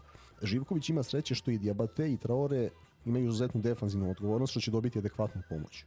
Plus ako Sveta Marković koji podiže formu bude onakav kakav ga znamo i u derbijima i sezone 2021, Partizan može da se... Narodski rečeno, napaljen. da, da, ne, ali bio je... Ne, on je zapravo, čekaj, on je napaljen, on je bio najsmireniji u tim utakmicama u Stanoviću. Ne mislim napaljen u tom smislu krvnički napaljen, ne, ne da siluje nekoga, nego napaljen ne, on je odisao, za, da odigra I u ovom derbi, o, bez obzira što je Partizan izgubio prolećni derbi, on je bio uz Banjaka te sezone kad je bio na pozajmici, uz Banjaka i Nadha bio najbolji u redovima Partizana i odigrao je na proleće dobro i u kupu. A sa što je primjen gol iz prekida za koji on nije kriv i kup je odigra 0-0 na penale, bio je, kad sabereš tri derbija, možda najkonstantniji igrač u derbi ima u tih koliko, 300 i nešto minuta, Sveta Marković. On to ima u sebi i mislim da on to može da ponovi. Drugi štoperi me brinu posebno ako se igra s trojicom, Vujačić Ničani jedan do drugog. A joj bože. A i bez, i bez sa na to Vujačić I bar, mislim da Živković ne sme puno da prelazi polovinu iako voli. Znači, e, ono što je dobro za njega, oporavak Lutovca gde ima opciju i da bude zamenjen, da odigra 60 minuta i da onda vidimo e, neke dalje opcije. Veoma interesantno, drugo oporavak Andrije Pavlovića. E, ono što je za Partizan možda i najveći problem, to su bonusi jer Nemanja Jović izuzetno da je koncentrisan bio u Kragujevcu, iako je znači, ušao je u 46. do 60. je mogao da ima crveni karton, oprostio mu je Srđan Jovanović, ako mene pitaš. E, Petković fizički ne može, I posebno ne može desno, ne znam šta je bila ideja. Vrlovatno da zbuni Crvenu zvezdu. A eto, naj, najbolje se među se da to, bonusima za sada pokazuje Samet Baždar. Koji opet, da li ako počne, da li može da počne onako, znamo kakav je početak derbija do u mesu, da li je Baždar za to ili za posljednjih 20. Pa onda da li je Nadho za to ili za posljednjih 20, da li je Fejsa za to ili za posljednjih 20. Da je realizovan transfer Gojka Cimirota, bio bih uverenio što sam rekao, ali nekako dajem prednost Partizanu iz nekog inata, iz nekog čak i mislim da nešto spremaju da će im proći, da će i da povedu. Znači, u suštini je pitanje da li će uspeti da se odbrane, pa se neka, eto, znači, možda taj neki duh Milutina Šoškića da uđe u Popovića na 90 minuta i uz malo sreće da, da se slavi. Stvarno mislim da je posle sedam utakmica vreme. Baš iz nekog inata, očaja, lošeg starta sezone, da je, nije naš, ni ova zvezda nije pokazala zavidan nivo fizičke spreme. Znači, može da se igra. Da, e sad uh, bitna, bitna stvar je jedna vest koja se, koja se tu sad pojavila, a ja, ovaj, mislim sve si rekao, nema, nema šta.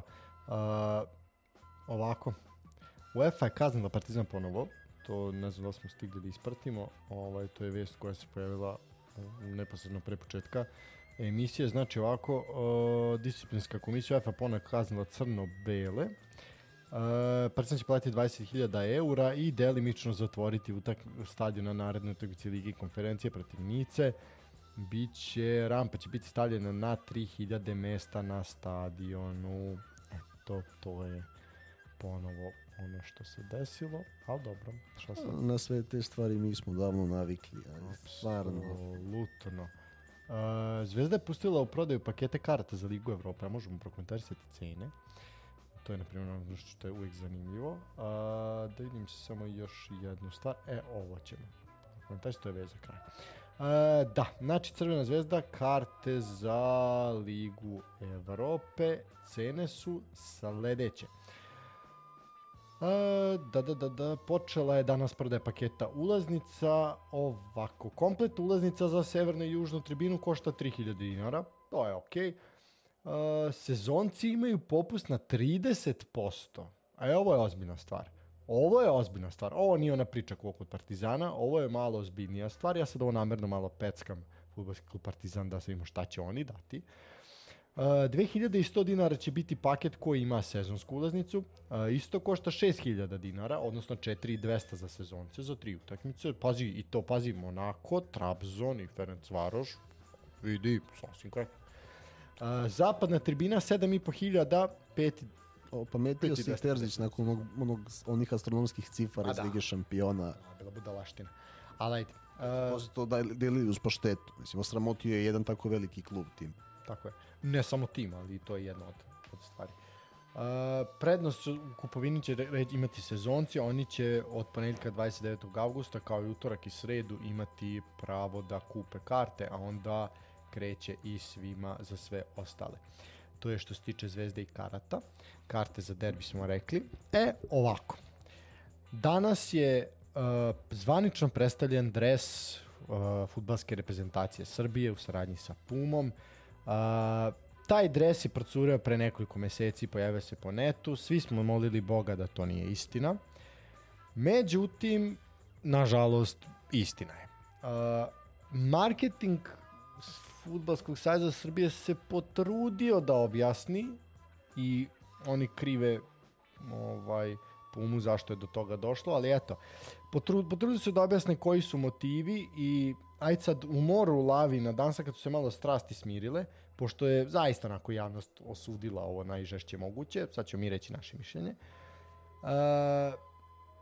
e sad, e, što se tiče prethodne garniture, taj crveni i beli dres su bili korektni, pogotovo taj beli s tim kao te, motivima Nikole Tesle i to onako, sasvim okej okay bilo. Ali i uspelo je da pridobije simpatije, simpatije navijača, bio je sasvim pristojan dres, a i s druge strane u njemu smo izborili plasma na svetskom prvenstvu. E sad, Puma je napravila novu garnituru i ovako su tu dali objašnjenje. Znači, domaća crvena garnitura dresova ispirisana je zlatnom generacijom Orlića koja je 2015. godine osvojila svetsko prvenstvo na Novom Zelandu i zato se nalaze zlatni detalji na samom dresu ima i znači predstavlja korene sećanje na eto taj uspeh generacije od kojih mnogi danas nose dres najboljeg nacionalnog tima. A, što se tiče te gene, ta, tih dresova i oni su i tada bili kombinaciji crvene i zlatne, zlatne boje. Ja protiv samog dresa nemam ništa. Taj dres je napravljen pomoću nove tehnologije, teži samo 17 grama, to je nešto što je jako, jako lepo i pokazuje koliko iz godine u godinu i pogotovo na velikim takmičenjima koliko evoluira ovaj tekstilna industrija i sa kakvom sada tehnologijom ovaj se susrećemo i kako tehnologijom izrade izrade dresova i kako to na kakvom nivou to izgleda kada prisetimo se nekih s kraja 90-ih onih džempera od dresova što su nosili Ovaj, ne kažem da oni nemaju vrednost sentimentalno i sve, ali u sam način izrade je neverovatno, svetlosnim godinama udaljen. To je što se tiče dresa. Uh, opet ta crvena boja, to su svi primetili, nije ta crvena nijansa, ovo je jedna specifična nijansa. Uh, ima i to, primetili su svi to ćirilično slovo B u, nas, u natpisu Srbija u odnosu na ostala slova nije greška, znači to je namerno tako da se prikaže naša raznovrstnost, da koristimo dva pisma i sve to simpatično. E sad, dolazimo do grba. Po meni, moje lično mišljenje, ne mora se složiti sa mnom ko hoće ili neće, meni je taj grb najveći problem. Dres kao dres, ok. Grb je problem. Opet kažem, objašnjenje da je to štit uh, ovoga, šta sam rekao, da, Centralni deo grba inspirisan je štitom kneza Mihajla Obrenovića, simbol grada Beograda, ali i simbol nove Srbije, nastale junačkim oslobođenjem od Otomanskog carstva. Ah, dobro, ajde. A, štit predstavlja jedinstvo kako našeg naroda, tako i našeg nacionalnog tima. Ali, ah. ne, ja, ja, ja imam problem i sa dresom, jer ja, da, da me ikad zanimala Crna Gora, ja bih 2006. otišao posle referenduma da. kod neke dalje tetke u Budvu, Bečiće, gde već tačno sada žive i bio bih crnogorac. Znači, ja hoću... Da pričamo majici, da, ti misliš i na šorca, ok, da, zašto smo komplet crveni, to je pitanje. A ne, to nije ona crvena, ne, to ona ide više ka, ka bordo neko. Još malo ako krene su tome, bit ćemo FK Sarajevo, mislim. Što nije toliko ni loše u ovom su. Da, Sarajevo ima fantastične dresove na naše reprezentacije, da. Ne, ipak... Zna se čije, da, da, jasno je, ali... Željezničar ali što se tiče lepote dresa. Ako tu biram. Ali, znači, ajmo, i onaj skroz crveni sa belim nekako, ne vidim što se ikad odustalo od toga crveni dres, plavi šorc, bele da. štucne. Da. Najprirodnije je, a pritom su bili izuzetno lepi dresovi. Ova gostujuće su bile, bile su lepe, sve bele garniture. Znači i ona ka, po, znači pod Klementeom i Antićem i ovo, pazite, ovaj fenomenalni dres ovaj, s kojim se pobedilo u Norvešku i Portugal, menjati to je zločin, ako mene pitaš. To je najbolji dres još od 2000. i 98. bio. E, a kad smo kod 98. obratite pažnju na dres nemačke reprezentacije. Dres nemačke reprezentacije je pljunuti naš drugi dres iz 98. iz Francuske. Znači, beo i po sredini ta linija sa grbom na sredini. To je dres Jugoslavije sa 98. iz Francuske. Imali lepše. To je to. Eto vidite. Dres Belgije je fantastičan. Uglavnom je Puma malo skarabuđila. Puma je, na primer, za rezervne dresove, ovaj beli dres sa ovim grbom generičkim na sredini, tim okvirom je strašan, ali Puma je za jednu takvu kompaniju neshvatljivo uradila tako nešto i uh, jednostavno sve države koje imaju potpisan ugovor sa Pumom su dobile taj štit na sredini u kom će biti broj igrača Znači, od Kameruna, od Švajcarske, nas, znači, kogod ima ugovor sa PUM, svi su tako prošli. Šta da se radi. Uh, ali aj dobro, što se tiče, rekli smo, knez Mihajlo Brenović, pritom orao, i to ovaj orao Nemanjića, pritom koji izgleda kao da je prikačen na Teslinu struju, pa je dovezen taj orao iz Poljske, znači, tako to izgleda, jezivo. Meni, ok, aj dobro, simbolika, kakve ja veze u Novom Sadu imam sa knezom Mihajlom Brenovićem? Pa Nikak. dobro, ne. Pa šta, ne, i sa ja Nemanjićima još manje, ono. Vidi, uh, ajde, mogu da razumem tu želju da se neguje određene vrste tradicije. Tradicije pa u redu, da. da. Ja opet se vraćam na na boju, na to naginjanje, ja nikada vidiš to, pitaš čiji je dres, da ne znaš, nikad ne bi rekao da je to Srbija. I ne prepoznaješ po boji, po nijansi. Kraj. Meni, meni to prvo, pa posle da se napravilo, Onda heraldika, da. pa onda da krenemo od da li ovaj ili onaj simbol. Ne, Prvo boja, da vidim ko igra, da prepoznam, da osetim da je to moj grb, pa tek onda u nijansi kako. Pa jedan simbolika, znaš. Vrlo dobro nešto- pitanje. Ko je odlučio da smo mi preko noći kompletno crveni? Mene to zanima. Naša boja nije kompletno crvena. Mi smo crveno, plavo, beli. Znači, crvena majica, plavi šorci, To mi nije jasno, su na ostale sportove, na primjer vidimo, znači i dalje i, i bele kapice u vaterpolu i u košarci, ove plave dresove s crvenim brojem. Samo sam- Odbojka. bojka da... Rukomet, u Rukomet. boji zastave, ajde Pa opet, da. rukomet, šta je to s futbolom, to mi nije ovaj, već godinama Ali jasno. Više ali ajde, ličimo bar je na... bilo ono svetlije crveno da. i ajde sad guraj. Apsolutno, mislim, saglasan sam, stvarno više ličimo Ne, na dres Crne Gore. Ja se, ja se nadam da, pazi, u, u filmu je Nikola Đuričko prelazio okean da bi doneo prave dresove.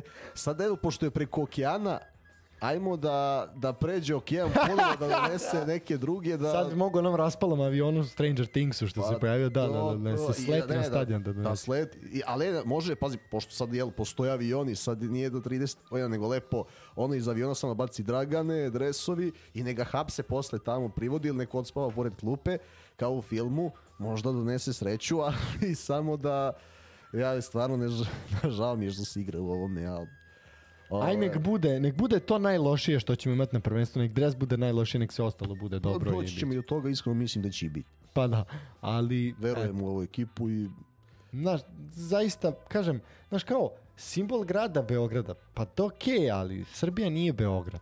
Znaš, to što se Beograđani nalaze kod konja, mene malo zabole. Znaš, i ne samo mene, nego i ostatak ti koristiš sintagmu od Subotice do Surdulice i treba je se i držati. Tako je. U suštini, to je što je... Pojavila se vest, Ohi u Brondbiju za milion. Evo Pa, upravo. evo dobro, nismo... Da, upravo, dobro da nismo prekinuli. Ovo, Ohi u Brondbiju. Znaš kako je derbi, evo da se vratimo i završimo time, derbi je specifična utakmica tu, imaš neki igrače kojima se otvori ili ne otvori. Znaš, recimo, e, Nemanja Jović i Lazar Marković su oni koji su igrali dobro svoje prve derbije u polju, a nisu postigli golove i vremenom su imali sve veće probleme ulazeći u šanse iz derbija u derbi. Ili Vermezović, ne znam, kao trener, ili ovaj, u Zvezdi znamo, eto, Ivanić je probio Maler iz prekida. I dalje se mu nije postigao gol iz igre u derbiju. A Kata je to učinio e, da nije mu baš bio prvi derbi, ajde da kažeš prvi u kom je Zvezda mogla ozbiljnije da parira. I kad je on bio fizički spreman 2015. Bio mu je treći derbi, dao je gol iz igre i onda čovjek nije stao sa tim. Znaš, Ugo Viera i Leonardo su dali na prvom derbiju, nastavili su isto ritmu. Da. E, tako da Ohi koji je ipak strelac u derbiju i to iz igre, znaš, to su neke stvari, pazi, ide Ohi, ide Pavko koji je to isto to činio. Zato, ok, pominje se kad ide Kulibali iz Nanta, pričat ćemo i o njemu u slučaju potpisa. Stigao je ovaj Sadiko brat. Dobro, on neće igrati, ali drago mi je da veruju u scouting Sava Miloševića. E, tako da, e, mislim da, da Ohim, da im ne treba da ide res rede, Da. ali da će, i to, to može biti njihova greška u drugom polovremenu ako Partizan povede. Eto, završavamo sa najavom derbija. Derbi je svakako nešto što će privući najveću pažnju u sve ove druge utakmice. Uh, ti ćeš biti na derbiju. Biću. Ja ću se potruditi da tih slobodnih sat i po vremena koje ću sutra imati u toku dana budem na Karadžođu, da ispratim malo Vojvodinu i Radnički.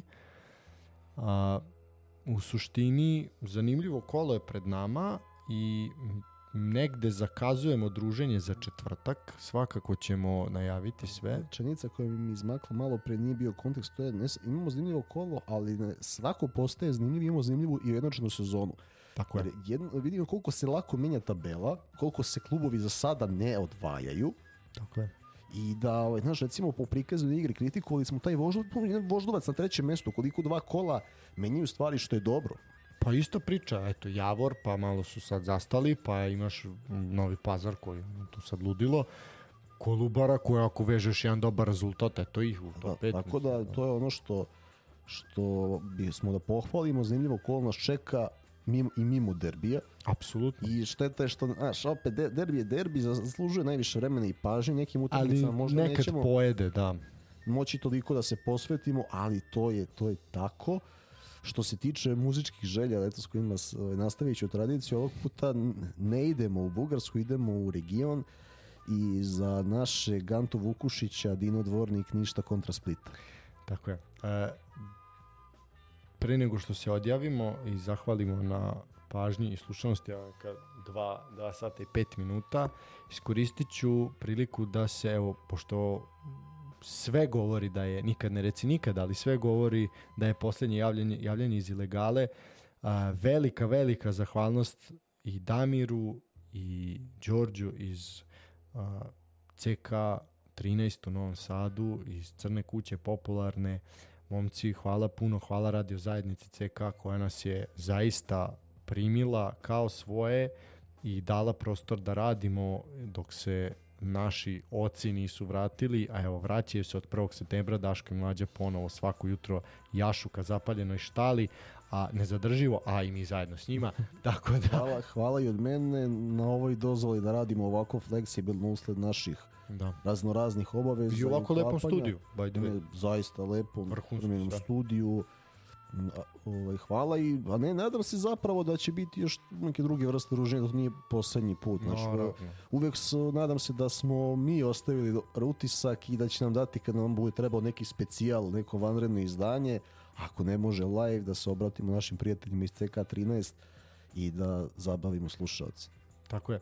Uh, hvala njima, eto. Hvala i vama svima koji ste eto izgurali ovaj period ilegale. Kao što najavljujem, m, u najverovatnije 98. po redu emisija će biti u a, četvrtak, ali svakako pratite društvene mreže na, znači na Instagramu, Twitteru, Facebooku, Sportski pozdrav.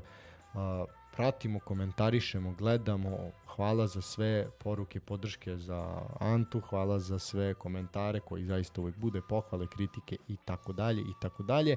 Kažem, vratit ćemo se sa live-om, samim tim vraćamo muziku, vraćamo sve onako kako je, kako je bilo. To je to. A ovaj, kako ćemo sa Daškom i bugarskim turbo folkom? Moram da ga podmitim malo. Mm, pušt, nešto ćemo smisliti, nešto ćemo smisliti. Ali očekujte u prvoj epizodi će definitivno tući samo Bugari. Ovaj, tako da, kao što nisu ni na bregalnici tukli, tako će biti. A, Bo- Bolje im ide muzika. Da. Da, ba Stevan Sinđelić se prevrće u grobu, definitivno. to je to ljudi, 97. put, hvala na slušanosti, laku noć, prijatno, do narednog slušanja, pozdrav. Laku noć.